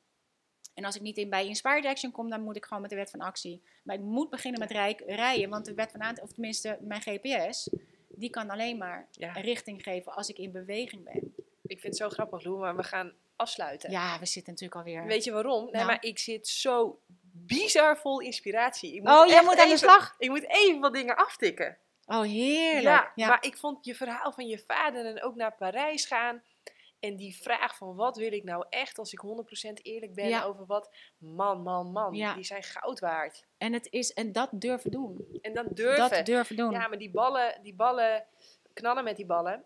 Ja, ja. Die, uh, ja, weet je, ik, ik, ik kijk ook altijd terug en dan denk ik, ja, ik ben altijd op mijn pootjes terechtgekomen. Dus, dus ja, ook dat. weet je, komt volgens mij wel goed. Het komt. en ook als je gaat zoeken naar wat is er wel goed, wat is er wel goed, wat is er wel goed. Dan zoek je ook naar wat is er wel goed. Wat is het verborgen voordeel? Wat is het verborgen voordeel? Want we hebben het nu inderdaad nog helemaal niet gehad over ehm, dat je het, het, verborgen voordeel van uh, ineens zes weken lang elke dag bestraald moet worden. Daar liggen verborgen voordelen in. Ja, ja, ja. Alles, dus het gaat echt oh, niet over. Het gaat echt niet over alleen maar fantastische dingen. En het zit in alles. Het zit echt in alles. Ja, en ik denk dat we ons daar echt bewust van moeten blijven. Dat je niet denkt, het moet alleen maar goed. Nee, wat je wil is zoeken naar het goede in alles. Ja, ja, ja, mooi, mooi, mooi. Dat oh, daar had het. ik gisteren nog een blog over geschreven. Dat in al het slechte zit het goede en in al het goede zit ook het slechte. Dat is het paradox, maar dat, Dat- is, en dat Ja. is ook zo. En als Ja. je daarna zoek, op zoek gaat, dan kom je altijd uit in dat magische midden. Ja, ja, het magische midden. Super, het magische midden, daar zit ook wijsheid. Maar daar gaat het universum ook echt met je praten in dat magische Ja. midden. Maar bedoel jij dan te zeggen met wat ik ook altijd heb gedaan? Oké, blessure, alles eraan gedaan, het lukte niet. Oké, nou dan maar een boek schrijven. Fantastisch. Ja, Dan heb ik normaal nooit. Fantastisch verborgen voordeel. Ja, maar in alles zit verborgen voordelen. Dus wees daar ook. In, in shit zit ook verborgen Ja. voordelen. In destructief gedrag zitten ook verborgen voordelen. Ja. Dus ga jezelf echt eerlijk in die spiegel kijken van hmm, waar, waar, wat voor verborgen voordelen zitten hier voor mijzelf in. Maar ook in alles zit ook een verborgen Ja. voordeel, dus pak het ook. Ja. Ja. Ja. En het is ook iets waar je, ehm, als je daarop leert vertrouwen. Het gaat allemaal, uiteindelijk gaat het allemaal over vertrouwen. Want je hebt geen vertrouwen nodig als je zeker weet dat iets gaat lukken. Want dan is je vertrouwen heb je nodig juist in dat, in dat niet weten. Vertrouwen, als je vertrouwen hebt, vertrouw dat het universum altijd voor je werkt. En niet tegen je werkt. Dus dat dingen voor je gebeuren, niet tegen je gebeuren. Het, het, wat Abraham Hicks altijd zo mooi noemt: everything is always working out for me. Charlie die gaat natuurlijk zeggen: eh, alles werkt altijd in mijn voordeel. Als dat je waarheid wordt, alles werkt altijd in mijn voordeel. Dan, ga je, dan zie je ook dat ook de dingen die je overkomen, die zijn er voor jouw voordeel. Wat als dit in mijn voordeel zou werken? Wat zou ik dan kunnen doen? Wat zou dat, wat zou het, als je open blijft in de mogelijkheden, als je open blijft in. Nou, ik, ben, ik kan het even niet zien, want ik vind dit echt heel pijnlijk en ik vind het heel ruk en ik vind het heel moeilijk. Laat maar zien wat het voordeel is. Er is een voordeel. Ja, dat is een voordeel. Er is altijd een voordeel. En ik vind het heel leuk dat jij zegt van ik moet stoppen, want ik, ik heb zoveel inspiratie. Ik kan het hebben als ik naar een museum ben. Dan denk ik, nee, ik moet er echt uit rennen. En dan, ik heb altijd mijn spullen mee, dan ga ik ergens de Hemingway doen. Want dan denk ik, oh ja, genoeg, genoeg, genoeg, genoeg. ik moet aan de slag. Ik moet aan de slag. Ja, Ja. Nou, zo voel ik hem heel Ja. erg. ja, Ik moet heerlijk. echt ik aan ook. de slag. En, ehm, en inderdaad, ik, ik vind dat wel een heel mooie om mee af te sluiten. Vertrouwen in jezelf, vertrouwen in de ander, vertrouwen in het grotere. Ja. En vertrouwen dat, dat, ja, dat het leven altijd voor je is. Al kan ik me wel voorstellen dat je denkt... "Uh, Ja, nee, zitten hoor met z'n ja, tweetjes ja. lekker op die mooie woonboot. En, eh, En dat Eh. is het ook. Maar daarom zitten we op die mooie woonboot. En dat is, het is niet dat we al op die mooie woonboot zaten en toen zijn gaan denken over hoe zou je hier nou eens kunnen. Het is, dat is de. Maar dit is natuurlijk maar wat je altijd voor je voeten gekre- voor geworpen krijgt. Ja, lekker makkelijk praten. Ja, lekker makkelijk praten. En dat is het ook. Het is ook lekker makkelijk praten en dat brengt je daar ook. En dat wil niet zeggen dat, dat het allemaal ehm, een, een ehm, smooth ride is. Nee, het is een very bumpy ride. Bij ons gaan ook kanker, de dood, het gaat allemaal, het komt allemaal voorbij. Het komt allemaal voorbij, maar er liggen overal verborgen voordelen in. Het heeft alles, er is nog niks in mijn leven gebeurd en er zijn echt shitty dingen gebeurd die me niet iets hebben gegeven. En daarom zitten we hier. Eh, Dat wij op die woonboot zitten, komt door die bestraling. Komt doordat mijn vriendin net doodging. Dat zij net uitbehandeld was en ik net begon. En daar, zij ging dood, ik bleef leven.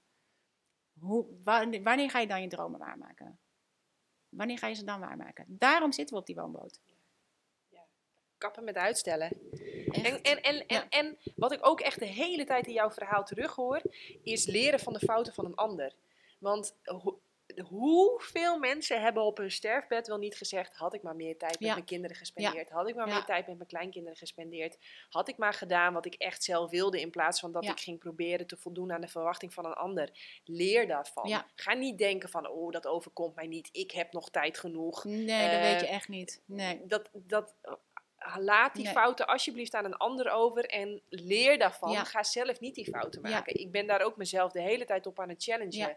Van leer van die mensen zeggen dat niet voor niks. Leer dat. Ja. Neem dat serieus. Steek het in je zak. Pak je camper. Rij naar Parijs. Doe het. Stel niet uit. Er is een finishlijn. Je gaat op een dag dood. Dat komt sneller dan je denkt. Ik zie het nu aan mijn vader. Hij is 72 geworden. Hij lacht, maar het doet hem ook pijn. Want hij weet gewoon, die finishlijn die komt Ja. in de buurt. En ik wil nog zoveel. En Ja. eh, gelukkig gaat hij niet uitstellen. En hij reist de hele wereld mee over. En, en hij lacht.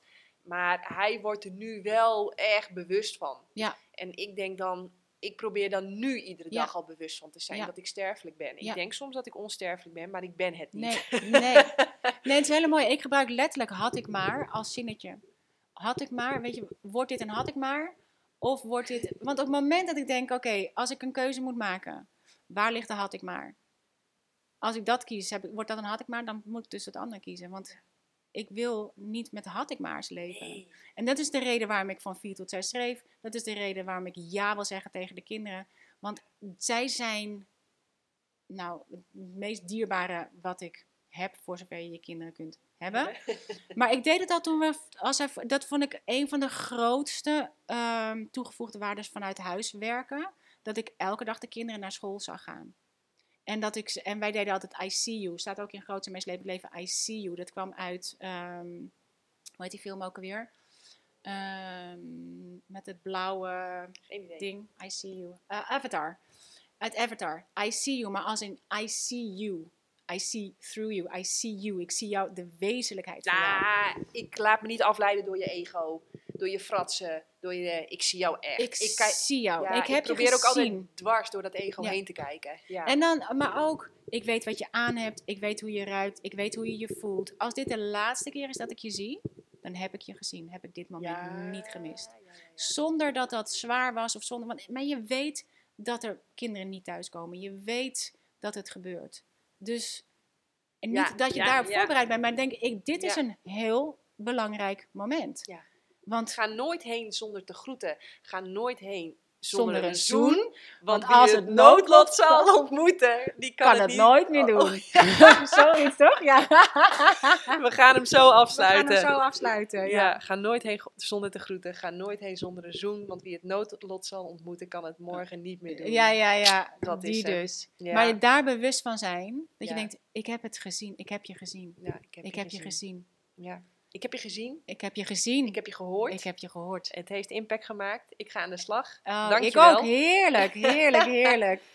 Jij ook heel erg bedankt voor het luisteren. Hopelijk heb je ook gekeken. Eh, dat kan via YouTube. Vind je dit gaaf? Deel het volop op je social media. Je mag ook naar jannekevandermeulen.nl gaan. Dat is de plek waar je het boek De Eiwitleugen vindt. eh, waar we heel erg ingaan op dat mentale aspect. Maar het is ook de plek waar je naar heel goed zoeken de knop doneren kunt vinden. En zo je energie, je liefde naar ons toe kunt sturen. Dus doe dat. Wij genieten daar echt ontzettend van. En dan zou ik zeggen, tot de volgende keer. Doei! Zou je eigenlijk wel meer plantaardig willen eten, maar heb je geen idee hoe je dat op een gezonde, verantwoorde manier voor jezelf en je gezin doet? Lees dan het boek De Eiwitleugen. Mijn naam is Janneke van der Meulen en in 2018 en 2022 werd ik wereldkampioen kustroeien. In 2021 werd ik na een energieke zwangerschap en soepele bevalling moeder van onze dochter. Alles op een dieet van fruit en planten. Kijk, je kunt nog zoveel diploma's hebben, geluk, talent, connecties, geld. Maar energie is uiteindelijk wat het verschil maakt voor resultaat. In het boek De Eiwitleugen deel ik daarom alleen maar de allerbeste wetenschap voor optimale gezondheid, fysiek en mentaal. Dus bestel het boek nu via jannekevandermeulen.nl.